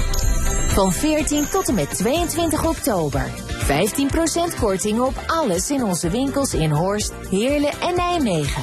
Bij Budget Home Store XXL. Obamacare is er voor mensen met een kwetsbare gezondheid en geheugenproblemen. Wonen met hoogst persoonlijke zorg en aandacht. Obamacare.nl Nu 15% korting bij Budget Home Store in Horst, Heerlen en Nijmegen. Op zoek naar de perfecte badkamer? En volop keuze? En de mooiste merken? En uitsluitend de beste materialen? En vanzelfsprekend de beste installateurs? Kom naar Bad Body. Maak een afspraak op badandbody.nl en het genieten kan beginnen. Dat is de N van. Ga naar Berens, Keukens, Badkamers en Tegels in Roggel. Vakantie, het cruise door je gedachten. Ontdek met Holland Amerika-lijn in 2024 prachtige bestemmingen in Noord-Europa. Waaronder de Noorse fjorden met vertrek vanuit Nederland. Profiteer nu tijdelijk van veel extra's. Holland Amerika-lijn. Met wie anders? Kom binnen bij Beter Horen voor uw persoonlijke hooroplossing. Mogelijk kunt u dit jaar nog maximaal profiteren van de vergoeding van uw zorgverzekering. Wacht niet te lang, zo bent u de eindejaarsdrukte voor. Maak nu een afspraak op beterhoren.nl. Vertrek met Holland Amerika-lijn in 2024 gemakkelijk vanuit Nederland en ontdek de Noorse fjorden, de Noordkaap of zelfs IJsland. Holland Amerika-lijn. Met wie anders? Het is weer Go Toyota. Want als je nu overstapt op een hybride of volledig elektrische Toyota, ontvang je tijdelijk tot maar liefst 3000 euro extra inruilwaarde. 3000 euro. En nu bestellen is dit jaar nog rijden. Dus waar wacht je nog op? Doe de kentekencheck op toyota.nl. Klim en klauter in de Savannah Tour. Of ontdek de nieuwe Treetop Tour. Reserveer nu je tickets voor Gaia Zoo in Zuid-Limburg. Via gaiazoo.nl Hallo wereld, Discovery Museum hier. Kom je experimenteren in ons Science Lab? Boek nu je tickets op discoverymuseum.nl. Zien we je snel in Kerkrade. Dit is de zondag van L1.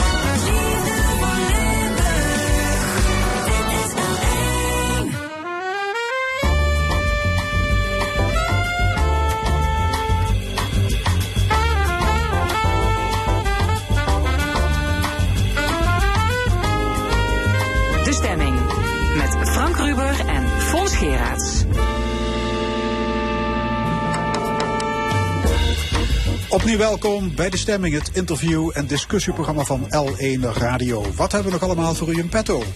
Om half één discussieert het discussiepanel over het conflict tussen Israël en Hamas, het GroenLinks-PVDA-congres van gisteren en andere actuele zaken. Een column van Jos van Wersch, maar eerst de klimaatzaak. Het is bekend, de aarde warmt op, het klimaat verandert in rap tempo. De leefbaarheid van onze planeet staat onder druk. En daar komen actiegroepen zoals Extinction Rebellion tegen in verzet. Een van hun doelen is afschaffing van fossiele subsidies. Een fors aandeel in de uitstoot van broeikasgassen komt op het konto van de industrie. Maakt de industrie voldoende werk van verduurzaming? Aan tafel Peter Meulenberg van Extinction Rebellion en Marnix van Gurp, eigenaar en oprichter van Palette Green op de Bright Ends Gemmelot Campus. Heren, welkom. Peter Meulenberg, eh, ja, Extinction Rebellion doet van zich spreken de laatste tijd. Eh, waarom staan jullie zo in de picture?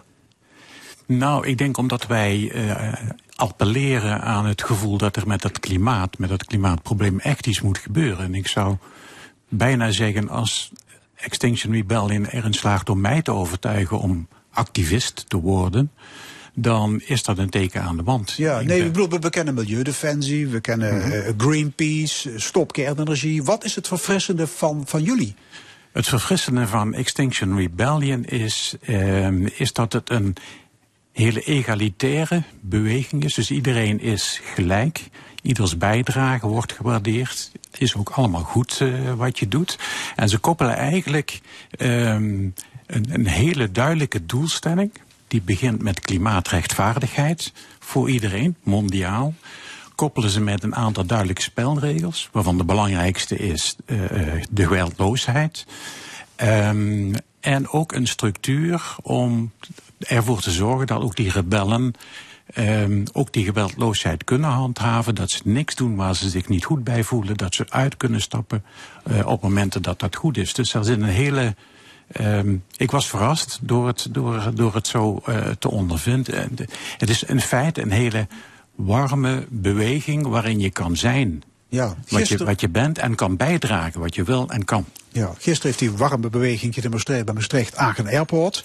Tegen excessieve klimaatvervuiling, ziekmakende uitstoot, geluidsoverlast en geldverkwisting. Moet dat vliegveld dicht?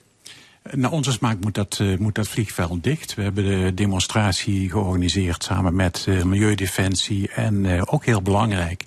Eh, de, de omwonenden van het, Mhm. eh, van het vliegveld die hebben extreem veel last van geluidsoverlast, omdat ze er heel dicht, eh, heel dicht bij wonen. Nou, waar moeten we dan het vliegtuig pakken? Nou ja, op de eerste plaats moet er minder gevlogen worden. Want er is geen enkele reden te bedenken omdat je eh, eh, van, eh, nou pak een beet eh, Amsterdam of een vakantie in Amsterdam naar, naar, naar eh, Londen moet vliegen, naar Parijs moet vliegen, naar Berlijn moet vliegen, naar Wenen moet vliegen. Dat kan een heel stuk minder. Marnix van Gurp, u bent eh, ondernemer. Eh, bent u bang voor een ecologische catastrofe? Zijn we deze planeet onleefbaar aan het maken? Ja, dat denk ik wel. We gaan natuurlijk heel hard de verkeerde kant op. Als je kijkt naar de opwarming van de aarde door, eh, door broeikasgassen, eh, gaat het natuurlijk volledig de verkeerde kant op. Dus we moeten absoluut moeten we, moeten we veranderen. Is dat, is dat ook de communis opinio in ondernemersland? Hè, u verkeert toch wel eens in die kringen. Wordt daar gesproken over de klimaatcrisis? Ja, er wordt absoluut gesproken over de klimaatcrisis. Want het treft natuurlijk ook ondernemers. Hè. Dus hele businessmodellen moeten, moeten veranderen. Ik kom uit de plasticsindustrie. Heel veel plasticsindustrie is gericht op eenmalig gebruik van verpakkingen bijvoorbeeld. Eenmalig verbruik kan niet meer. Dus we moeten omturnen. En voor heel veel bedrijven betekent dat echt grote zorg hoe ze dat moeten doen. Ja, maar goed, door de nood gedwongen. Misschien ook door regelgeving gedwongen. Maar u noemt zichzelf een idealist. In welk opzicht? Nou ja, als je, als je ziet eh, wat er gebeurd is sinds de eerste klimaatconferentie met het klimaat. En eh, dan gaat het natuurlijk langzaam maar zeker de verkeerde kant op. Dus je moet wel een idealist zijn om nog te geloven dat het goed, dat het goed kan komen. U zou zo lid kunnen worden van Extinction Rebellion. Nou, ik heb ontzettend veel sympathie eh, voor Extinction Rebellion. Omdat dat een beweging is die heel veel aandacht trekt, in de publiciteit komt, gevoelens van mensen bundelt en daarmee impact heeft in de maatschappij. En we zitten natuurlijk in een systeem waarin het heel moeilijk is om te veranderen. Omdat we natuurlijk, eh, ja, we zijn afhankelijk van allerlei structuren en processen. En dan is het moeilijk te veranderen. Aan de andere kant denk ik dat als er verandering kan komen, dat dat vanuit de industrie moet komen. Want die heeft wel heel veel macht en invloed om dingen te kunnen veranderen. Ja, over de industrie gesproken. Afgelopen zaterdag schreef de directeur van bedrijventerrein Gemmelot in Sittard Geleen een opiniestuk in de Limburger. In één zin samengevat, de zware industrie is de kurk van onze welvaart. En we zijn lekker bezig om die basisindustrie het land uit te jagen. Wat dacht u, eh, meneer Van Geur, op na lezing van dat stuk? Ja, ik, ik, ik snap uh, het standpunt heel erg goed. Hè, want uh, de, de, de, de, wetgeving met betrekking tot de industrie wordt steeds uh, zwaarder. En het grote risico is dat de industrie uit Nederland en Europa wegtrekt naar andere landen. Waar niet zo kritisch gekeken wordt tegen die klimaateisen. En dan, dan raak je natuurlijk van de regen in de drup. En misschien is het goed om te noemen dat die welvaart die de industrie gebracht heeft, dat we er allemaal van profiteren. Kijk, de producten die op Gemmelot gemaakt worden, die hebben we allemaal in ons huis zitten, in onze auto. Daar maken we gebruik van dagelijks, die in de supermarkt staan. Die producten willen wij wel handhaven. Dus als wij zeggen van uh, de industrie moet dicht, dan zouden we eigenlijk in ons, uh, naar onszelf moeten kijken. Dan moeten wij dus ook veel soberder gaan leven. Ja, en bovendien staat ook in het stuk, in de zware industrie wordt eigenlijk het geld verdiend. Zonder Gemmelot, Tata Steel enzovoorts is het onderwijs en de gezondheidszorg de klos. Meneer Meulenberg, wat is daarop af te dingen? Ja, dat, dat vond ik wel een, een stevige stelling. En dan moet ik hem dankbaar zijn dat ik mijn werkzame leven heb kunnen, uh, kunnen voldragen. Want ik kom uit de publieke sector. Een leven lang. Ja, begrijp, ja, ja bij, bij L1 dat, wordt ook het geld niet verdiend. Nee, ik begrijp dat we het allemaal te danken hebben aan, uh, aan de zware industrie merk wel op dat die zware industrie ook uh, door de samenleving gesponsord wordt. Want als je het hebt over fossiele subsidies, dan zitten die toch vaak in die zware industrie. Dan zitten die bij Tata Steel. Dan zitten die ook bij Gemmelot en bij Chemours, waar, bij Shell, waar van alles mis is. En daar gaat het over, uh, dat erkent de regering op dit moment zelfs, daar gaat het over 40 miljard ruim per jaar dan denk ik van ja, dat is ook sponsoring. Dus wij hebben als samenleving ook die industrie gesponsord. Maar we zijn bezig om de industrie weg te jagen. Meneer Van zei het net al. Um, en dat staat ook in het stuk van, van afgelopen zaterdag. Als de zware industrie de grens overgaat, wordt Nederland armer en de rest van de wereld warmer. Want andere landen hebben nauwelijks regels op het gebied van uitstoot van broeikasgassen. Dan wordt de situatie alleen maar erger. Ja, weet u, ik, ik, ik, ik kijk daar genuanceerd naar. Um, als, je, als je terug gaat kijken in de, in, in, een beetje in de historie, dan zie je dat de, de, de strategie van die zware industrie opschuift. Tot een aantal jaren geleden was het heel eenvoudig om de klimaatverandering te ontkennen. Twijfel te zaaien. Alleen om maar te zorgen dat je die status quo, waar dat verdienmodel van die industrie zit, zo lang mogelijk kan handhaven. Dat is nu met de, de, de, eigenlijk de mondiale erkenning van, het, van, van, ook van de omvang van die klimaatverandering. Is dat, uh, dat ontkennen is simpelweg niet meer mogelijk. En je ziet dat dat nu opschuift naar vertragingstactieken. En dit is zo'n vertragingstactiek. Een andere vertragingstactiek is, als ik een klein voorbeeld mag geven, als iemand, uh, als iemand zegt van. Um, we moeten maar niet te hard gaan. Want op het moment dat wij te hard gaan met die verduurzaming, dan verhogen we de kosten van, van, van het, het maken van de producten. En dat, dat zorgt dat wij een slechtere concurrentiepositie hebben. Dus rustig aan. We doen pas iets als onze concurrenten ook meebewegen. Mm Alles gericht op het zo lang mogelijk handhaven van die status quo van dat fossiele, fossiele verdienmodel. Ja. Ik heb trouwens Luc Radix, de directeur van het gevraagd om hier aan te schuiven. Maar hij wil niet, want dat wordt, ik citeer, een clash tussen ratio en emotie. Ja, ik neem aan dat hij met ratio zichzelf bedoelt. Ja, drijft dat, Extinction Rebellion op emotie? Ja, op, we drijven absoluut op emotie. Maar ik wil wel zeggen, wij zijn ratio en emotie. Wij hebben eigenlijk de mondiale klimaatwetenschap achter ons. En als iets ratio is, dan is het wetenschap. Wat wij bij Extinction Rebellion doen, dat wij acteren op basis van die ratio, van die wetenschap. En we zetten dat om in gepassioneerde actie. Dus wij zijn ratio en emotie. Marnix van Gurp, u heeft bij, vroeger bij DSM gewerkt. Bij de afdeling technische kunststoffen. U zei het al. U, u heeft volop plastics geproduceerd. Hoe, hoe kijkt u daar met de kennis van u op terug? Nou, ik heb in ieder geval ontzettend, eh, met ontzettend veel plezier gewerkt bij DSM. Eh, wat natuurlijk een bedrijf is die absoluut ook duurzaamheid hoog in, eh, hoog in zijn vaandel had. Maar ik moet ook erkennen, terugkijkend, als je kijkt naar de verpakkingsindustrie, dat er ontzettend veel uh, ontwikkeld is om voedsel op een, op een prettige en duurzame manier te verpakken. Om te zorgen dat het voedsel veilig en, en vers bij ons thuis komt. Maar dat er niet gekeken is, wat doen we nou met al die plastics aan het eind van hun levensduur. Dus de nee, welvaart... Er heel veel komt terecht in de natuur, in het, in het drinkwater, noem maar op. Ja, dus dat betekent dat de hele verpakkingsmarkt heeft te weinig oog gehad voor wat gebeurt er aan het eind van de levensduur met plastics. En die zijn in de natuur terechtgekomen. En trekt u zich dat aan? Absoluut. Ik voel me er heel verantwoordelijk voor. Ik denk dat dat doorgeschoten is. Dus gedeeltelijk is het, het consumentisme. Hè, mensen die heel graag en prettig hun eh, producten in de supermarkt halen.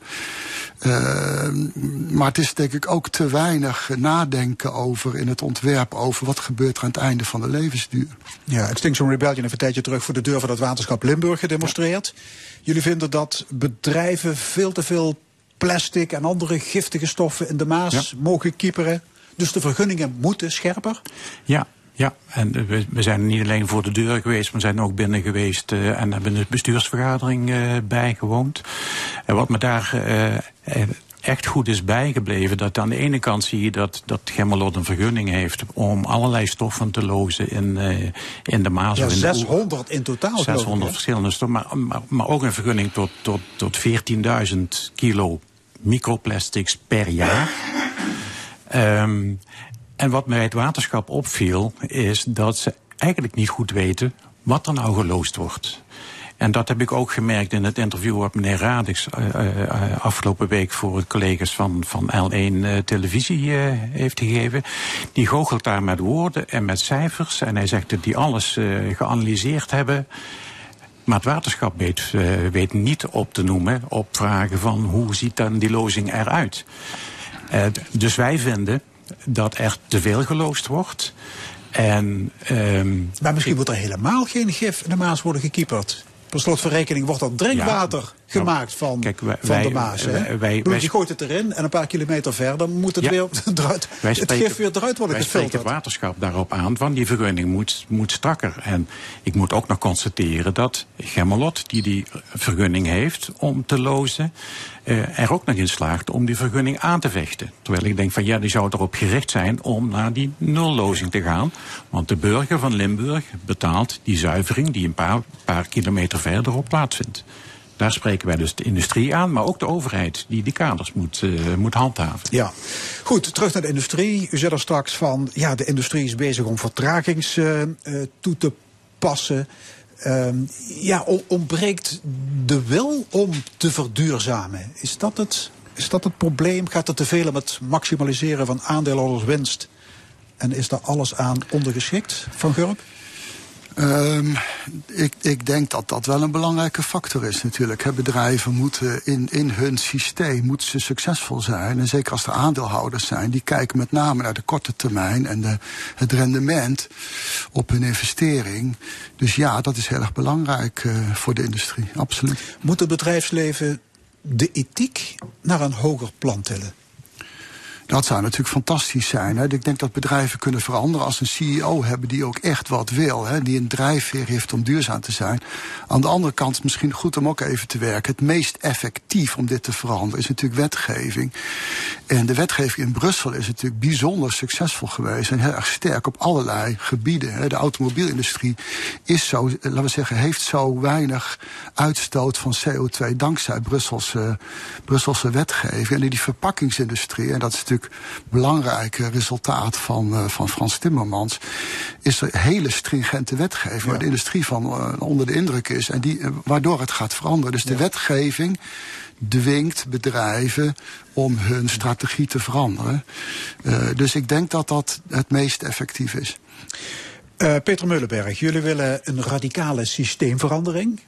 Um, waar moet ik aan denken? Aan een niet-fossiele economie, aan, aan groene productieprocessen, kringlooplandbouw, dat soort werk? Ja, dat, dat, dat soort zaken. Uh, ik ben geen econoom, dus ik kan dat, dat, dat nieuwe economisch systeem niet, uh, niet beschrijven.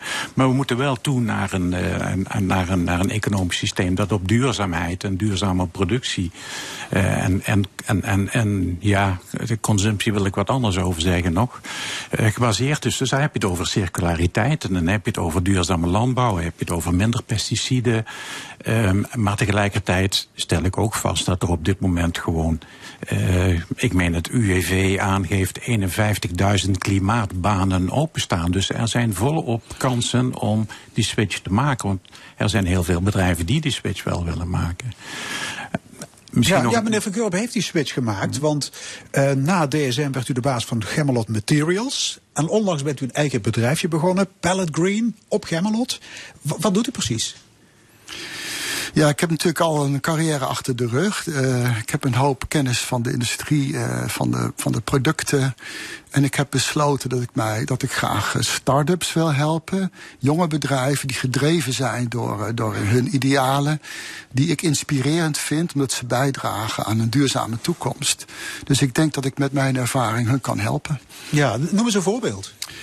Uh, nou, dat is misschien wel een interessant voorbeeld om hier te noemen omdat wij uh, binnenkort ook op de Dutch Design Week staat. Ik ben in een bedrijf gestapt dat wil proberen de e-commerce markt te verduurzamen. Door de pakketjes die wij thuis gestuurd krijgen. Dat zijn vaak kartonnen omdozen. En die gaan na één keer gebruik meteen in het afval. Dus er is een enorme toename van afval door de e-commerce markt en het thuisbezorgen van pakketjes. Wij denken dat het goed is dat die omverpakking dat die herbruikbaar is. Dus dat die niet één keer gebruikt wordt en weg weggegooid, maar dat die honderd keer gebruikt Dat je hem teruggeeft aan de bezorger. Precies, je moet hem dan teruggeven. Dus je gaat het hele systeem hmm. veranderen. Hij moet of teruggegeven worden bij een volgende bestelling. Hè, als de pakketbezorger aan de deur komt, of bij een verzamelpunt. En uh, ja, zo, zolang je die verpakking uh, herbruikbaar maakt, en dat geldt eigenlijk voor allerlei producten, die moet je met name duurzaam maken en herbruikbaar. Dus dit is een klein bedrijf waar ik in ga stappen en wat we binnenkort gaan oprichten. Ja, dus dit, dit levert u, laat ik zeggen, zelf geldende gewin op. Maar is ook goed voor het klimaat, goed voor het milieu. Het is absoluut goed voor het klimaat. Misschien nog even zeggen dat dit wordt een BVM. Dat is misschien ook nog wel leuk BVM? om hier even te noemen. Het is dus nog niet in de Nederland aangenomen, maar maatschappelijke BV is een wet in voorbereiding in de Tweede Kamer. Die heeft geen winstoogmerk, maar het oogmerk om impact te maken. Met name sociaal en duurzaam uh, in onze maatschappij. Bent u een industrieman die het licht heeft gezien? Uh, ze zeggen wel eens, de oud-stroper is de beste boswachter. Nou, het, het, is niet zo.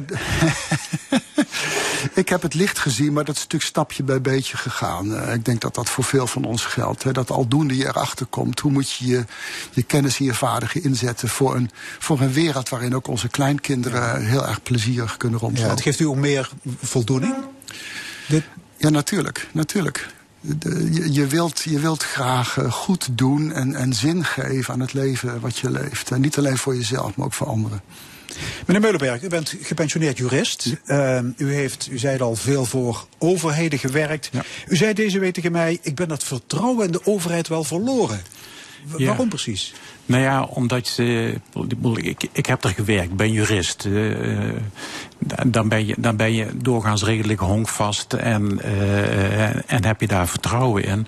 Tegelijkertijd moet ik zeggen dat ik steeds meer last kreeg van... ehm, dat ik zag dat die overheid waar ik voor, voor werkte... dat die de maatschappelijke problemen niet opgelost kreeg.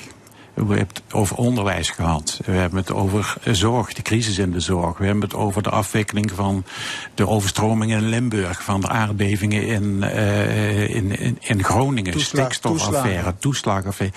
Maar dus ook die klimaatcrisis. En eh, die meneer Van Gurp heeft het over van de wereld voor de kleinkinderen. Dat was voor mij de drijfveer om wat te gaan doen. Want ik werd somber omdat ik dat oplossingsvermogen zag weg, eh, wegvloeien. En, en dat heeft mij aangezet tot actie. Want ik moet nu maar stoppen met werken. Na mijn pensioen ben ik maar gestopt met werken. En me meer met het klimaat gaan bezighouden.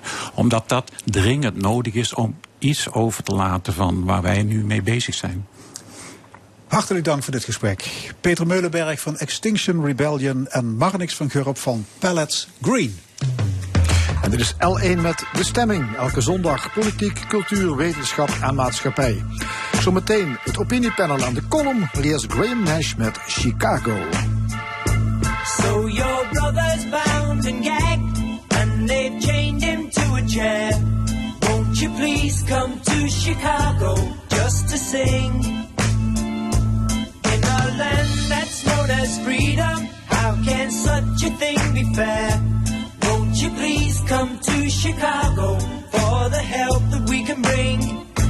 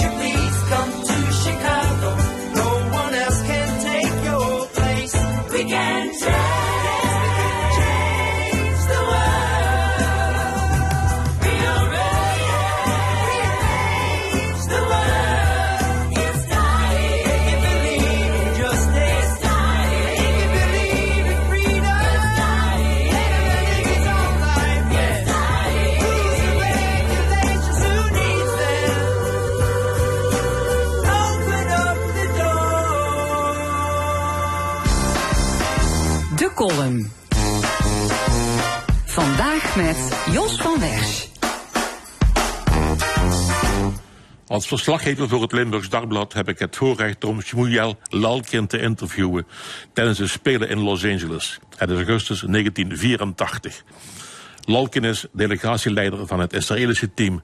Net als twaalf jaar eerder tijdens de Spelen in München, toen PLO-terroristen een bloedbad aanrichten waarbij elf Israëlische sporters sneuvelen. Lalkin overleeft als door een wonder.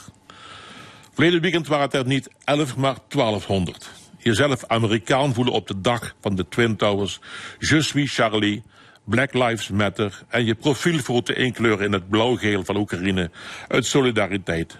We tekenen blind bij het kruisje. Zolang het maar niet gaat om de Israëlische vlag. Want ja, die vlag schuurt vanwege de andere kant van het verhaal. Hoezo andere kant? Afgezien van het grote conflict is het allesbehalve ingewikkeld. Want een terroristische organisatie vermoordt weerloze burgers. Nog steeds geldt die ene simpele waarheid. Als Hamas de wapens neerlegt, zal er vrede zijn. Als Israël de wapens neerlegt, zullen Joden worden vermoord en zal het land niet langer bestaan. Wat die malle Johan Derks op basis van zijn provocatieverdienmodel ook mogen kakelen. De aanval van Hamas hoeft absoluut niet van beide kanten bekeken te worden. En nu we het daar toch over hebben, tegen die drie onbeduidende GroenLinksers die excuses van Frans Timmermans eisen, zou ik willen zeggen... Dit is geen Palestijnse vrijheidsstrijd, jongens, maar een lang aangekondigde, openlijk geplande poging tot genocide door barbaren. Hoezo ja maar en kalm blijven als 1200 landgenoten binnen één etmaal worden vermoord? Waarom zwijgen, terwijl Hamas het eigen volk als schild gebruikt en burgers in Israël op een monsterlijke manier afmaakt? Als het er echt op aankomt, zoals nu, loopt de solidariteit met Israël in ons land niet over. Bij de wedstrijd Feyenoord-Ajax in april schreven tientallen voetballeeghoofden Hamas, Hamas, alle Joden aan het gas. Nee, er werd niet ingegrepen bij het scanderen van die scabreuze leuzen. Een wedstrijd staken doet de voetbalbond alleen als de zoveelste maloot een plastic bekertje op het veld gooit. Nog zoiets. Hoe kan het gebeuren dat Max Verstappen voor de duizendste keer op de voorpagina van Dagblad de Limburger mag juichen, terwijl de wereld in datzelfde weekend in shock is? Wel zo netjes trouwens dat de hoofdredacteur zich voor die faux pas heeft verontschuldigd. Ik zie in Limburg gemeentevlaggen, vredesvlaggen en oktoberfestvlaggen, want daar komt geen genazer van. Maar waar is die blauw-witte vlag met de Davidster?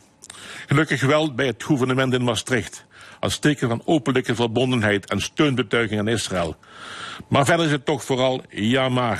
En dat zal alleen maar toenemen nu Israël nog een tandje gaat bijzetten te land, ter zee en in de lucht. Shmuel Lalkin maakte zich destijds in Los Angeles al geen enkele illusie. Want mijn volk, het Joodse volk, zal altijd opgejaagd blijven. Vanmiddag is er in Amsterdam een pro-Palestina-demonstratie. Dat is goed, want democratie gedijt bij debatten, discussies en demonstraties. De organisatoren willen de Mars voor Palestina aanvankelijk laten eindigen op het Jonas Daniel Meijerplein.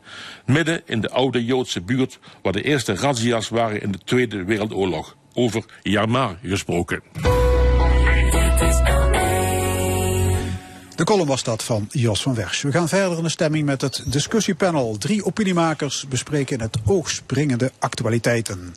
Vandaag over de bloedige strijd tussen Israël en Hamas. Het gezamenlijke congres van GroenLinks, Partij van de Arbeid. En over het verdelgingsmiddel glyfosaat.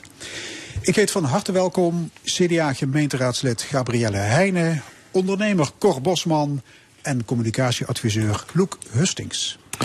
Ja, we blijven even bij het onderwerp van de column. Het zal jullie niet verbazen. Israël vraagt 1,1 miljoen Palestijnen om te vertrekken uit het noordelijke deel van de Gazastrook.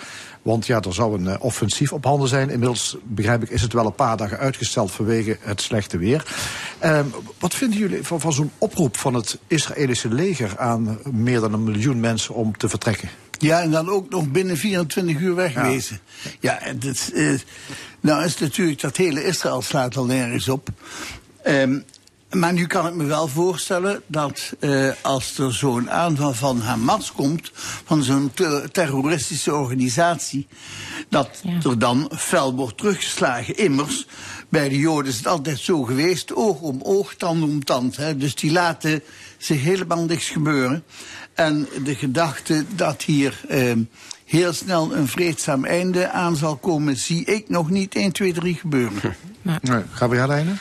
Ja, het is heel triest. Kijk, die Palestijnen kunnen natuurlijk geen kant op. Want van dat Arabisch broederschap uh, zien we tot nu toe niet veel. Hè? Egypte houdt de grens gewoon uh, dicht.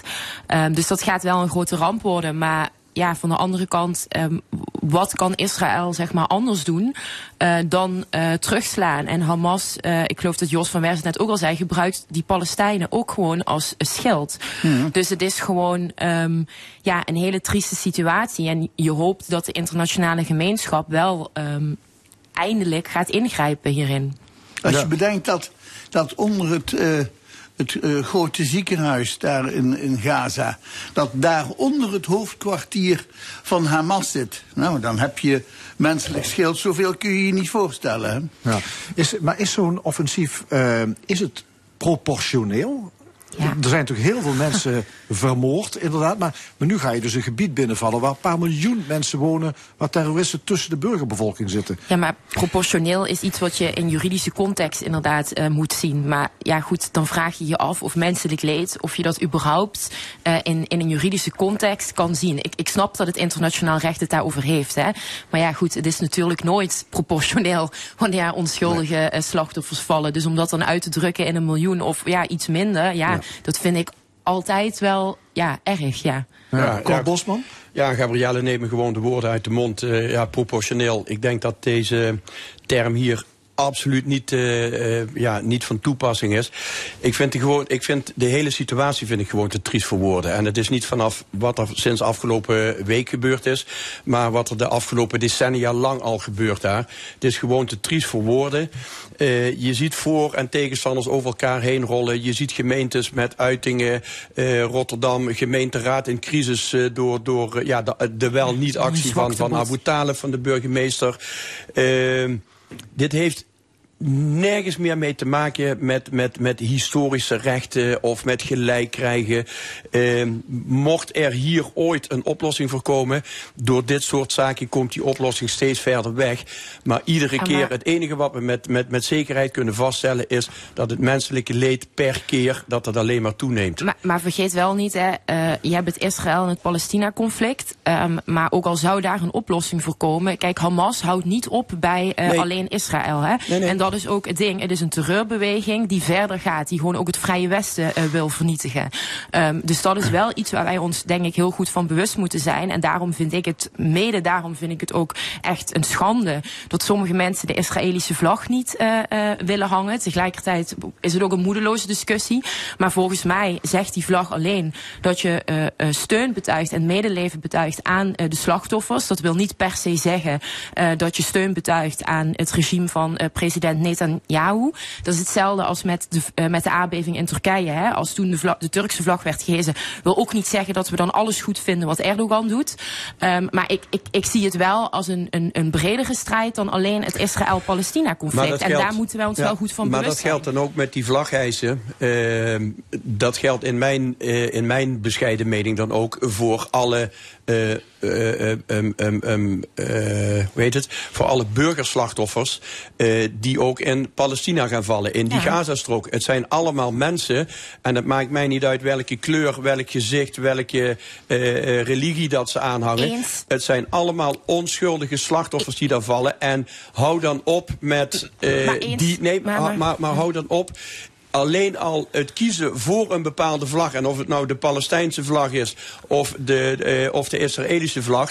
Uh, dat wekt weer weerstand op. En je, Precies, daar ga je en daar conflict, moeten we het over hebben. Want de jodenhaat speelt alleen, hier juist, ook. De en jodenhaat speelt ja, hier ben ook. ik helemaal Joden zijn hier eens. ook En daar wordt veilig. het conflict niet mee opgelost. Nee, maar dan, daarom is het ook een zwaktepot. De jodenhaat speelt, speelt hier ook. En de Palestijnenhaat speelt hier niet. Ja. De jodenhaat wel. Nou, die, Nou ja, je hebt ook nog altijd zoiets als een vredesvlag. Maar waar begon het? Hè? Het begon natuurlijk in de jaren ehm, 46, 47. Toen op een gegeven moment een aantal staatslieden bedachten. ehm, kijk, daar bij de Middellandse Zee maken we de strook. Daar, zetten we, daar maken we het beloofde land van, eh, voor de Joden van. En degenen die er nu wonen, die stampen we eruit. Dat waren de Palestijnen. Daar is het conflict begonnen. Ja, En daar kun je het vandaag de dag, naar mijn overtuiging, nog altijd voor een groot gedeelte op Nee, terugvoeren. tuurlijk, het- nu, nu als je, ja, tuurlijk kun je het daarop terugvoeren, maar dat is nogmaals, dat is het Palestina-Israël-conflict. Hamas wil sowieso ook het Westen vernietigen. We zijn inmiddels bijna een kleine honderd jaar verder. Is het dan wel ethisch om te zeggen tegen Joodse mensen die daar wonen, het is toch niet uw land, uh, maar het is enkel van de Palestijnen? Het is zo'n complex conflict. Ik bedoel, Israël is in 2005 in principe uit Gaza gegaan. En ik keur het echt niet goed wat Israël de Palestijnen ook uh, jarenlang heeft aangedaan. Maar tegelijkertijd hebben de Palestijnen ook zelf Hamas daar uh, als hun leiding gekozen. Dus het is, een, het is inmiddels zo'n langdurend conflict. Het is te makkelijk, vind ik, om daar duidelijk eh, ehm, eh, één kant in te kiezen. Maar als het over Ja. Hamas aankomt, eh, aankomt, denk ik wel dat we daar duidelijk een, een gezamenlijke vijand in hebben als Westen Wat, zijnde. wat, wat gaat het oplossen als Israël straks met een groot land, lucht, zeeoffensief tegen, ehm, ja, tegen Hamas gaat toeslaan daar in Gaza? Daar gaan heel veel mensen sneuvelen. Ja, maar daar- dat is natuurlijk de Joodse mentaliteit oog om oog, tand om tand, wat ik daar straks zei. Maar het lost natuurlijk niks op. Het, het, het, het, het laat een groter probleem. Dat is weer een vuur dat oplaait in de wereld. En eh, er zal uiteindelijk zal het toch straks weer aan een, eh, aan een vredestafel eh, moeten worden opgelost. Eh, want kan dit- is niet oplosbaar. Het kan natuurlijk wel een grotere oorlog met meerdere landen, zeg een wereldoorlog eigenlijk al ontlokken. Hè? Dat zou kunnen. Ehm, maar tegelijkertijd, ja, je moet Hamas wel bestrijden. Dus eh, ehm, ja, ik, ik weet Ja. ook niet wat daar een wijsheid is. Maar als, maar- ik, als, ik mij, als ik alleen eh, kijk naar de, eh, naar de berichten die op dit moment in. en de sentimenten die op dit moment alleen al in Nederland leven. als, als klein landje. Als ik nog zie dat er gisteren nog een GroenLinks Kamerlid. Kamerlid. die zich bedankt alsnog eh, om op die lijst te komen staan... omdat ze het niet eens is met, met het standpunt wat haar eigen partij inneemt. Als ik zie hoe dat de moslimgemeenschap in Nederland reageert op de aanvallen eh, die daar gebeurd zijn... Ik denk dat wij in Nederland al, al, al problemen genoeg hebben om hier de gemoederen tot bedaren te brengen. En het werd net ook al in de, in de column verteld. Amsterdam zal vanmiddag ook alweer een gezellig feestje worden. Ja, maar daarvoor kun je- d- dat is toch geen reden om, er, om erover te zwijgen? Ik bedoel dat, hier westerse mensen zijn. Hè? Kijk, dat je een pro-Palestina-demonstratie hebt, oké. Maar dat er mensen zijn die de westerse vrijheden genieten... en die vervolgens alsnog daar gewoon ehm ja, jodenhaat uiten... dat gebeurt op die En ik zeg niet dat alle mensen dat doen... maar je ziet toch echt wel eh, eh, veel mensen zorgwekkende uitlatingen doen. Dat vind ik echt zeer zorgwekkend. Dus ik, ik vind ook Nou, niet... misschien, misschien moeten wij in Nederland dan eens gaan kijken of die mensen die dat soort sentimenten en dat soort gedachten erop hebben, misschien is voor dat soort mensen in Nederland geen plek. Reden te meer om de grenzen dicht te gaan doen. Ja, maar is, gaat het, dit sentiment waar jij het dan over hebt, hè, het eh, anti-Israël, eh, anti-Palestina, anti-Joden, ga- wordt dat versterkt als we dadelijk die inval gaan meemaken? Dat wordt zeker versterkt. Je krijgt alleen maar meer discussie. Dus het wordt eigenlijk alleen maar erger. Ja, en je ziet dat de discussie natuurlijk, de nuance, en dat is natuurlijk ook heel lastig omdat het zo'n pijnlijk iets is. Ehm, maar het is gewoon een heel complex conflict. En mensen willen natuurlijk altijd liever, het is het een of het ander, zeg maar. Dus dat, dat, ja, dat, dat werkt niet echt mee. Maar ik, ja, ik vind in ieder geval als het over de jodenhaat gaat, en dat is gewoon echt een zorgwekkend probleem, vind ik niet dat we ehm, dan maar moeten zwijgen. Of dan maar moeten zeggen, ja, dan hangen we de eh, Israëlische vlag niet op. Omdat misschien anders de rellen in de stad gaan uitbreken. Dat vind ik niet, eh, vind ik niet normaal. Ziet iemand ergens een lichtpuntje? Nee, maar ik ben het daar toch niet mee eens zo om, om provocerend Jo- ehm, eh, Israëlische vlaggen te gaan ophangen. Als je, dat je daar gevoelens bij hebt en dat je dat verkeerd vindt wat er gebeurt en dat je daar je bezorgdheid over wil laten blijken, kan ik me voorstellen. Maar zoals ik al zei, je hebt een vredesvlag waar je naar mijn overtuiging heel goed Maar hetzelfde waarom doel was mee Turkse doen. vlag dan niet zonder daar een polariserende Maar waarom, was dat, in waarom is de Israëlische vlag Ja, wij- polariserend? wij in- het gaat in- gewoon om medeleven tonen aan wij in slachtoffers. Nederland, wij zitten vol van sentimenten, van valse sentimenten. Hè, we hebben het enerzijds. Tuurlijk, dan vallen er slachtoffers als je het hebt over de Turkse, eh, over de Turkse bevolking, Ja. als er een hevige aardbeving is. Maar van de andere kant zijn wij in Nederland wel iedere keer het, het regime van Erdogan en de, het, eh, het inperken van de persvrijheid, et cetera. Dat, dat betekent wel. Ik ben het helemaal met Loek eens. Die vlag op, ja. je kunt je, je, kunt je, eh, je medeleven, zou je ook op een andere manier. Want dit Nee. is, die vlag ophangen, dat wekt weer bij een bepaalde be- bevolkingsgroep, wekt dit weer gevoelens van haat op. maar. Dat is de ja maar. Als een terreurbeweging onschuldige mensen op barbaarse wijze afslag, wat helemaal niks met een vrijheidsstrijd te maken heeft. Als je dan vervolgens met een ja maar aankomt, op dat moment is het enige, eh, enige blijk van medeleven is dan genoeg. En dan is er gewoon geen ja maar. en dan moet je ook geen Turkse vlag Door ophangen. wat je, nou, ik, ik, zal, ik zal never nooit een Turkse vlag ophangen, even los daarvan. Maar jouw, jouw, argume- jouw, argumentatie, jouw argumentatie die loopt helemaal mank. Want in de ogen van de Hamas-strijders is het geen barbaarse daad wat ze gedaan hebben. Het is een strijd voor hun eigen vrijheid. Dus het is al, het is al, al Dat is alleen gewoon al wat in de... want ze slachten Nee, hun nee. eigen mensen net zo goed af. Ja, maar dat is in hun optiek, Ja, is, is dat, onzin. rechtvaardigt dat hetgeen wat zij nu Het aan gaat het doen niet om zijn. de rechtvaardiging. dat- het gaat om ons. Israël dat niet het weet. gaat om ons moraal. Daar gaat het Nee, om. maar ons moraal interesseert hun helemaal Nee, maar ik niks. heb het ook niet over hun. We hebben het hier over een discussie in Nederland. Of wij een Israëlische vlag hijsen. En of, of wij dan eh, als zwaktebod, omdat er dan misschien rellen uitbreken, Nee, dan is- maar niet nee, het is geen zwaktebod. Het gaat gewoon om medeleven tonen. En dan is er geen ja maar als mensen, onschuldige mensen op zo'n gruwelijke wijze gewoon worden afgeslacht. Ja, maar in de ogen van Hamas Ja, maar is... dat in- is niet relevant in in, de- deze discussie. Natuurlijk is dat relevant. Want dat vertroebelt juist de discussie. In de ogen van Hamas is hetgeen wat hun doen. En dat was toen de tijd zelf met de aanvallen van, eh, van IS. Wat hun doen, hun, hun motivatie was. Hun motivatie is jodenhaat. Da- dat is de motivatie. Nou, en dat- en dat is dat- moreel inderdaad dat dat dan, een, dan, een, dan een conflict, om het maar Dat even zo te zeggen. rechtvaardigt hun daden wat ze doen. Maar dat is Ja. moreel verwerpelijker. Ja, dat is een ander toevoegen of gaan we naar Nou, volgende ik, ik, zie dat, ik zie dat jodenhaat toch niet op de eerste plaats staan. Volgens mij is het toch nog altijd wie begon. Er zit volgens mij eh, bij die Palestijnen, eh, en daar komt Hamas uit voort, een zeer diep geworteld gevoel van we zijn hier ooit weggejaagd en Ja. wij hebben recht En op dit waarom land. willen ze dan het hele Westen vernietigen? Waarom zegt bijvoorbeeld ook Iran wij steunen en we willen het Westen vernietigen? Dat is- Waarom staan hier mensen, wes- mensen die in het Westen zijn opgegroeid, die alle vrijheden hebben genoten, alsnog eh jodenhaat te uiten op een pro-Palestina eh, eh, bijeenkomst? Dan moet je het toch over Israël hebben, of niet? Hoef je toch niet de Joden te het- benoemen? omdat dat in dus hun- gaat het dan niet over Omdat jodenhaat? dat in hun geloof ligt verankerd. Dat is makkelijk. Het, mos, het moslimgeloof in heeft Amsterdam het zijn niet moslim- geopend. Het moslimgeloof heeft niks met onze westerse normen en waarden op. En Als het het niet moslims van de wereld... heren, we gaan naar een ander onderwerp. Gisteren was er het eerste gezamenlijke congres van GroenLinks, Partij van de Arbeid in Rotterdam. Eh, om te beginnen, wat vonden jullie van de opkomst? Bijna 5000 deelnemers. Het drugsbezochte congres sinds die legendarische CDA-show twee- in 2000 2010. Maar het zijn nu ook twee partijen bij elkaar, hè? dus dan Ja, ja. mag je ook wel een goede opkomst verwachten. Eén en één is in hun ogen hopelijk drie, hè? Tja, wat moet je daarvan vinden? Een, gewoon een bijeengeraapt zootje idioten die eigen sprookjes, eigen fabeltjes geloven. Eh, ik vond vroeger de fabeltjesklant met, eh, met meneer De Uil, daar vond ik nog meer inhoud hebben. En- het is niet jouw partij, ik hoor Nee, het al. en- en- maar, maar ze doen het, maar ze doen het ze desondanks doen, goed. het, ze doen het prima, Goed maar in als de ik, als ik, Ja, dus maar, die, omdat wacht even, D66 één voor, één voor één. Ja. Dus die samenwerking spreekt de kiezer aan. Loek Hustings. Nou, het, laten we zeggen, er moest wel iets gebeuren. Linksom of rechtsom. Heel toepasselijk in dit verband. Omdat, eh, eh, laten we zeggen, die Partij van de Arbeid... moet je voorstellen, twintig jaar geleden nog een van de grootste partijen van Nederland... langzaam maar zeker aan het wegkwijnen was. Dus ik denk dat deze samenvoeging van die twee stromingen... een hele nuttige is. Daar zal natuurlijk altijd gerommel blijven... maar dat was bij de Partij van de Arbeid altijd al zo. Die congressen die stonden bol van, eh, eh, van, van, eh, van ruzies en, en bonje en gedoe altijd.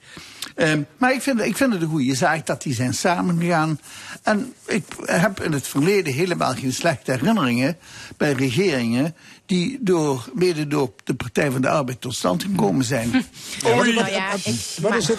Ja, laten we geen oude Nee, koeien het valt wel mee halen. met hoe, hoe groot het succes is. Ik denk wel dat het natuurlijk slim is dat PvdA en GroenLinks is samengegaan. Want anders waren ze nu echt wel eh, een stuk kleiner. Ehm, of het, En wat is, het- en wat of is het aandeel van Frans Timmermans? Als nou ja, dat valt dus wel mee. Omdat ehm, Frans Timmermans, eh, er zijn dus ook peilingen en dan zie je dus hoe de lijsttrekkers het doen. En Frans Timmermans doet het eigenlijk alleen maar vrij goed ehm, bij het D66-publiek. En je ziet dat D66 gewoon drastisch gekelderd is. Dus ik denk dat dat gewoon één op één over is gegaan naar PvdA en GroenLinks. Dus ik vind Nou, het volgens mij zich... kan heel veel stemmen van D66 naar het nieuwe, hoe heet dat? Nieuw Sociaal sociaal, contract. contract. Nou, nieuw sociaal contract pakt eigenlijk van iedereen. Dus dat is wel, eh, dat is wel bijzonder om te zien. Het zal natuurlijk blijken als straks het verkiezingsprogramma is, zal er toch wel wat mensen gaan afvallen, omdat hij dan duidelijkheid geeft over bepaalde standpunten. Als Maar- dat er, als het er als komt, dat er komt, ja. Maar Frans Timmermans, ik denk dat dat voornamelijk zit bij eh, eh, D66-publiek. Oké, Dus maar hij, gaat voor het, dat hij gaat voor het premierschap. Ja, dat, dat, Ehm, dat is natuurlijk een goeie, en- goed En uitgangspunt. hij zei gisteren, binnen 100 dagen moet er een nationale Green Deal op tafel liggen...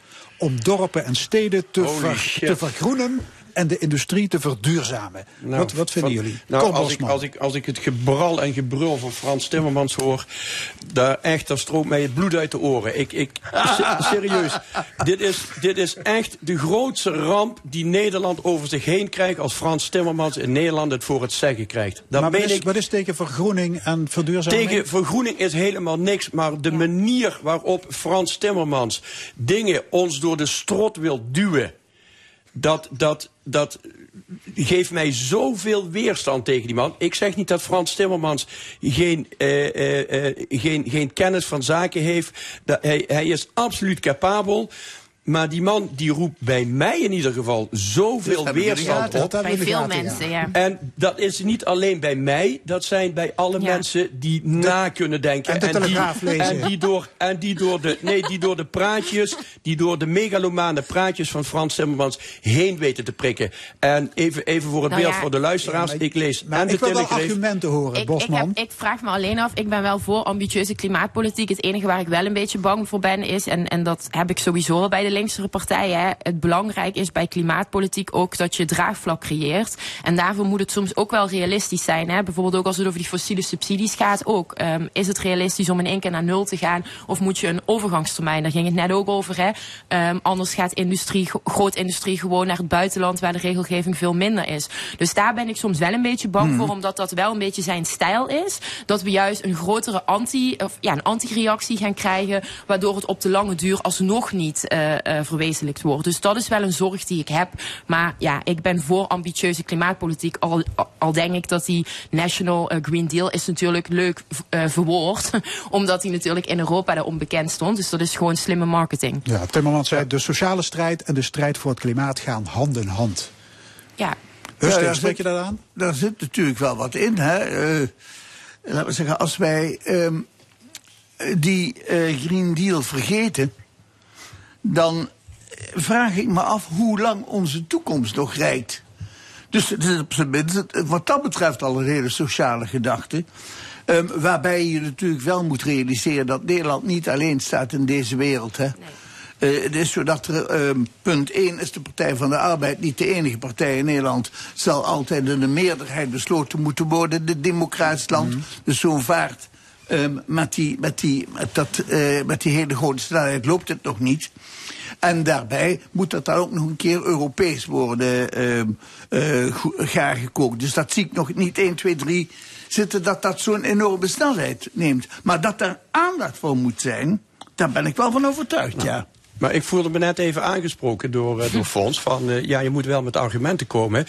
Hoe kan een man als Frans Timmermans geloofwaardig overkomen dat hij verhaaltjes vertelt. En een pijnlijk onderwerp als de MH17, waar hij in New York een, eh, een fantastische speech geeft, die achteraf er nergens op gebaseerd lijkt. Alleen op de emotie van de mensen. Hoe kan een man als Frans Timmermans, hoe kan die respect afdwingen door een, een, een vreselijk dodelijk ongeval in het begin van het jaar eh, bij een storm, waarbij een boom op een auto van een vrouw valt. En dat dat dan aan, aan de klimaatverandering wordt toegewezen, waardoor wetenschappers zeggen dat is absoluut helemaal niet relevant in dit verhaal. Frans Timmermans is gewoon een pathetische leugenaar die alleen maar verhaaltjes vertelt om zijn eigen profiel om dat naar voren te brengen, om daar goede schijn mee te maken. maar dat Dit zit maar- mij heel maar- diep. Ja, maar, maar dat zegt natuurlijk niks over de inhoud bijvoorbeeld van zo'n Green Deal. Maar ik ben het wel met je eens wat niet slim is wat hij daar heeft gedaan. Frans Timmermans is het gezicht je van die Green creëert Deal. daar dus geen draagvlak mee. Want mensen gaan dus inderdaad zeggen van ja, zie je, toen gebruikte je dat ook en het was niet waar. Dus ja, wat moeten we eigenlijk van jou geloven? Dus daarmee tast hij zijn eigen geloofwaardigheid aan. Ik vond dat ook niet slim en bij MH17 ook gewoon verwerpelijk. Maar de herinnering van de kiezer gaat niet zo lang mee, hoor. Nee, nou, dan is het aan mij een schone taak om die, om die luisteraar er af en toe je aan te gedaan, herinneren. denk ik. Ja, Ja. dat, is wat- dat was wel duidelijk, eh, Cor. Ja, eh, we gaan naar glyfosaat. Dat is een eh, gewasbestrijdingsmiddel. en dat ligt behoorlijk onder vuur. Ik weet niet of iemand van jullie het gebruikt. Cor, ben jij, Nee, zeker niet. Doe jij je Ja. st- stoepje schoonmaken met glyfosaat? Ja, ik, ik maak mijn stoep schoon met glyfosaat, ja. Ja. En eh, ja, Daar heb je verder nog gevoelens bij? Of, eh? Eh, ja, als het, eh, als, het, eh, als het effect eh, achteraf duidelijk is, heb ik daar een lekker gevoel bij. Ja, Ja, het effect is volgens mij heel maar, snel- maar die regenwormen en die insecten niet eh, onder, ja, dat onder vind die ik, dat, ja, dat vind ik jammer voor die regenwormen en die insecten. Ik vind het jammer.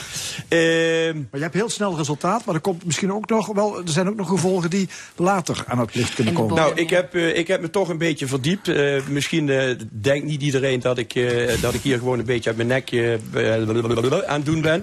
Maar eh, er is een eh, zeer uitgebreid beoordelingsdossier. Eh, en op basis daarvan heeft de EU goedkeuring eh, verleend destijds. Ja, voor tien en, jaar en de groep, en de groep die daarin zat, eh, vier lidstaten, Frankrijk, Hongarije, Nederland en Zweden, die hebben dat gezamenlijk beoordeeld in de zogenaamde Assessment Group of eh, gly- Glyphosate. En die hebben dat doorgestuurd en op basis daarvan is nu ook de Europese Commissie voornemens om Nee. het gebruik voor tien jaar lang eh, nogmaals toe te kennen. Dat klopt wel, maar de onzekerheden en veilig, eh, veiligheid is, is er gewoon. Eh, en het ding is, zowel voor- als tegenstanders komen met wetenschappelijke studies die iets anders zeggen. Maar ook de Europese Autoriteit voor eh, ehm, eh, Voedselveiligheid heeft ook gezegd... we hebben gewoon geen goed toetsingskader om te kijken of glyfosaat veilig is... en of het een link heeft met Parkinson. Dat is op de lange duur ook nog niet gecontroleerd. Ja, Dus kan- voor- Kanker zou ook nog kunnen. ja, dus voor nu heeft ook de Nederlandse Parkinson. overheid gezegd van hè, we laten het toe. De vraag is ook, als je het niet toelaat, wat komt er dan voor terug? Ja. Welke, pe- ja, welk pesticidenmiddel dan? Ehm, maar er, er wordt nu wel onderzoek naar gedaan. En Nederland heeft ook afgedwongen bij Europa dat als blijkt dat het niet veilig is, wat ik wel vermoed, ehm, ehm, dan stoppen ze er ook mee. Ja, de Dus Tweede, ja. de tweede Kamer vindt eigenlijk dat we ermee moeten stoppen. Het zou Europees besloten moeten worden. Daar is de stemming gestaakt deze week. Mhm. Een paar grote landen die onthielden zich van stemming. En dan is het blijkbaar, dan gaat het voorlopig even niet door. Maar in november wordt het weer opnieuw bekeken. Eh, hoe kijk jij er tegenaan, Loek? Nou ja, bij Cor is het duidelijk geliefkoosd zaad. Ehm, maar eh, glyfosaat is. Ik, ik, zeg, ik zeg altijd bij dit soort dingen: bij twijfel niet inhalen. Het is zo dat, ehm, eh, zoals eh, Gabriel ook al betoogde, ehm, wetenschappers ehm, zijn verschillend van mening. Er is geen, ehm, geen eh, eensluidend wetenschappelijk bewijs, nog voor de ene, nog voor de andere stelling. Eh, het feit dat je er mogelijkerwijs ehm, gezondheidsrisico doorloopt, eh, denk aan kanker, denk aan eh, Parkinson, zou voor mij al genoeg reden zijn om met die rotzooi op te houden. Eh, maar dat is een persoonlijk Ja, standpunt. ja, boeren zeggen, maar we hebben het nodig, want als we het grasland bijvoorbeeld willen omploegen, dan kun je dat beter met glyfosaat doen. Dat gaat heel makkelijk en snel. En eh, anders moet je daar misschien dagenlang met je trekker met de ploeg over het land Ja, gaan. weet je, weet je, het is zo dat ehm, mij bekruipen allerlei gevoelens. Als ik bedenk dat Bayer ehm, eh, miljarden schikkingen heeft moeten plegen. Ehm, zij zijn uiteindelijk de, de uitvindende producent van het middel.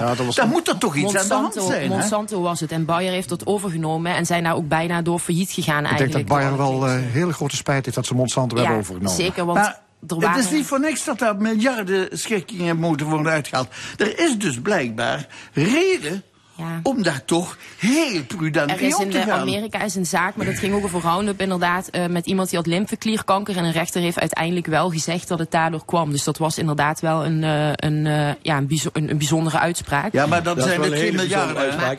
en en ja, in het maar- algemeen schikkingen worden in het algemeen getroffen eh, op het moment dat een een mogelijke consensus op, op een bepaalde termijn dat dat niet mogelijk blijkt te zijn. En daardoor worden er schikkingen getroffen. Dat heeft dan verder niks te maken wie wel of niet gelijk heeft. Wat ik, wat ik, eh, eh, wat, dit, is best, dit, dit is best een interessant artikeltje wat ik heb uitgedraaid. Hier, hier staat ook in de, de ADI, de aanvaardbare dagelijkse inname van gly, eh, gly- eh, glyfosaat.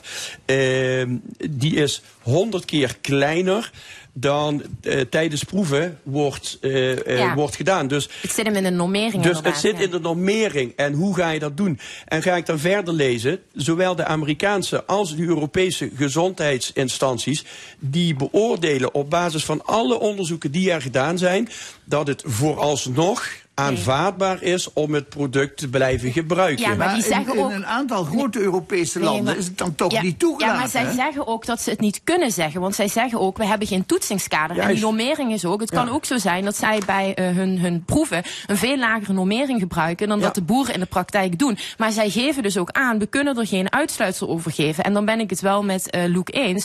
Ehm, bij twijfel, ja, better safe than sorry. En als je ziet toch hoeveel mensen Parkinson of andere vormen van kanker krijgen, vind ik het best een stap om het nog tien jaar eh, te laten duren. Nee, maar ja, de vraag die- is wat je ervoor terugkrijgt. Met hè? die, dat is met wel die, zo. ja, en met die dingen wat, eh, wat Loek ook zegt van, eh, eh, even los daarvan wat de Europese Commissie gaat, eh, gaat besluiten. Eh, iedere lidstaat, eh, ieder land zelfstandig mag vervolgens nog besluiten om het wel Ja. of niet toe te laten op de eigen markt. Ja. Maar ja, weet je, ehm, eh, als toch ehm, eh, landen als Frankrijk, Duitsland ehm, al besloten hebben om dit voor de consument niet toe te laten, dit product, ehm, toch dan genoeg? vind ik dat dat tot na- nadenken stemt. Ja. Is blijven overigens nog de vraag, je hebt inderdaad consument en professionals in het gebruik, hè? Ja, ja. Eh, daar zou je dat onderscheid, zou je misschien Ja, toch mensen wat- wonen ook naast de professionals, hè? daar zit het hem ook nog in. Ja, natuurlijk. Ja. Ja. Hartelijk dank. Discussiepanel. Vandaag met Gabrielle Heijnen, Loek Hustings en Cor Bosman. En dit was de stemming. Vandaag gemaakt door Ben Wolk, Fons Geraas en Frank Rubel. Graag tot volgende week zondag, 11 uur. En dit programma is terug te luisteren via onze website l1.nl en via podcast. Zometeen op deze zender Paul Verstegen met de zalige zondagmiddag. Dank voor het luisteren. Nog een mooie zondag.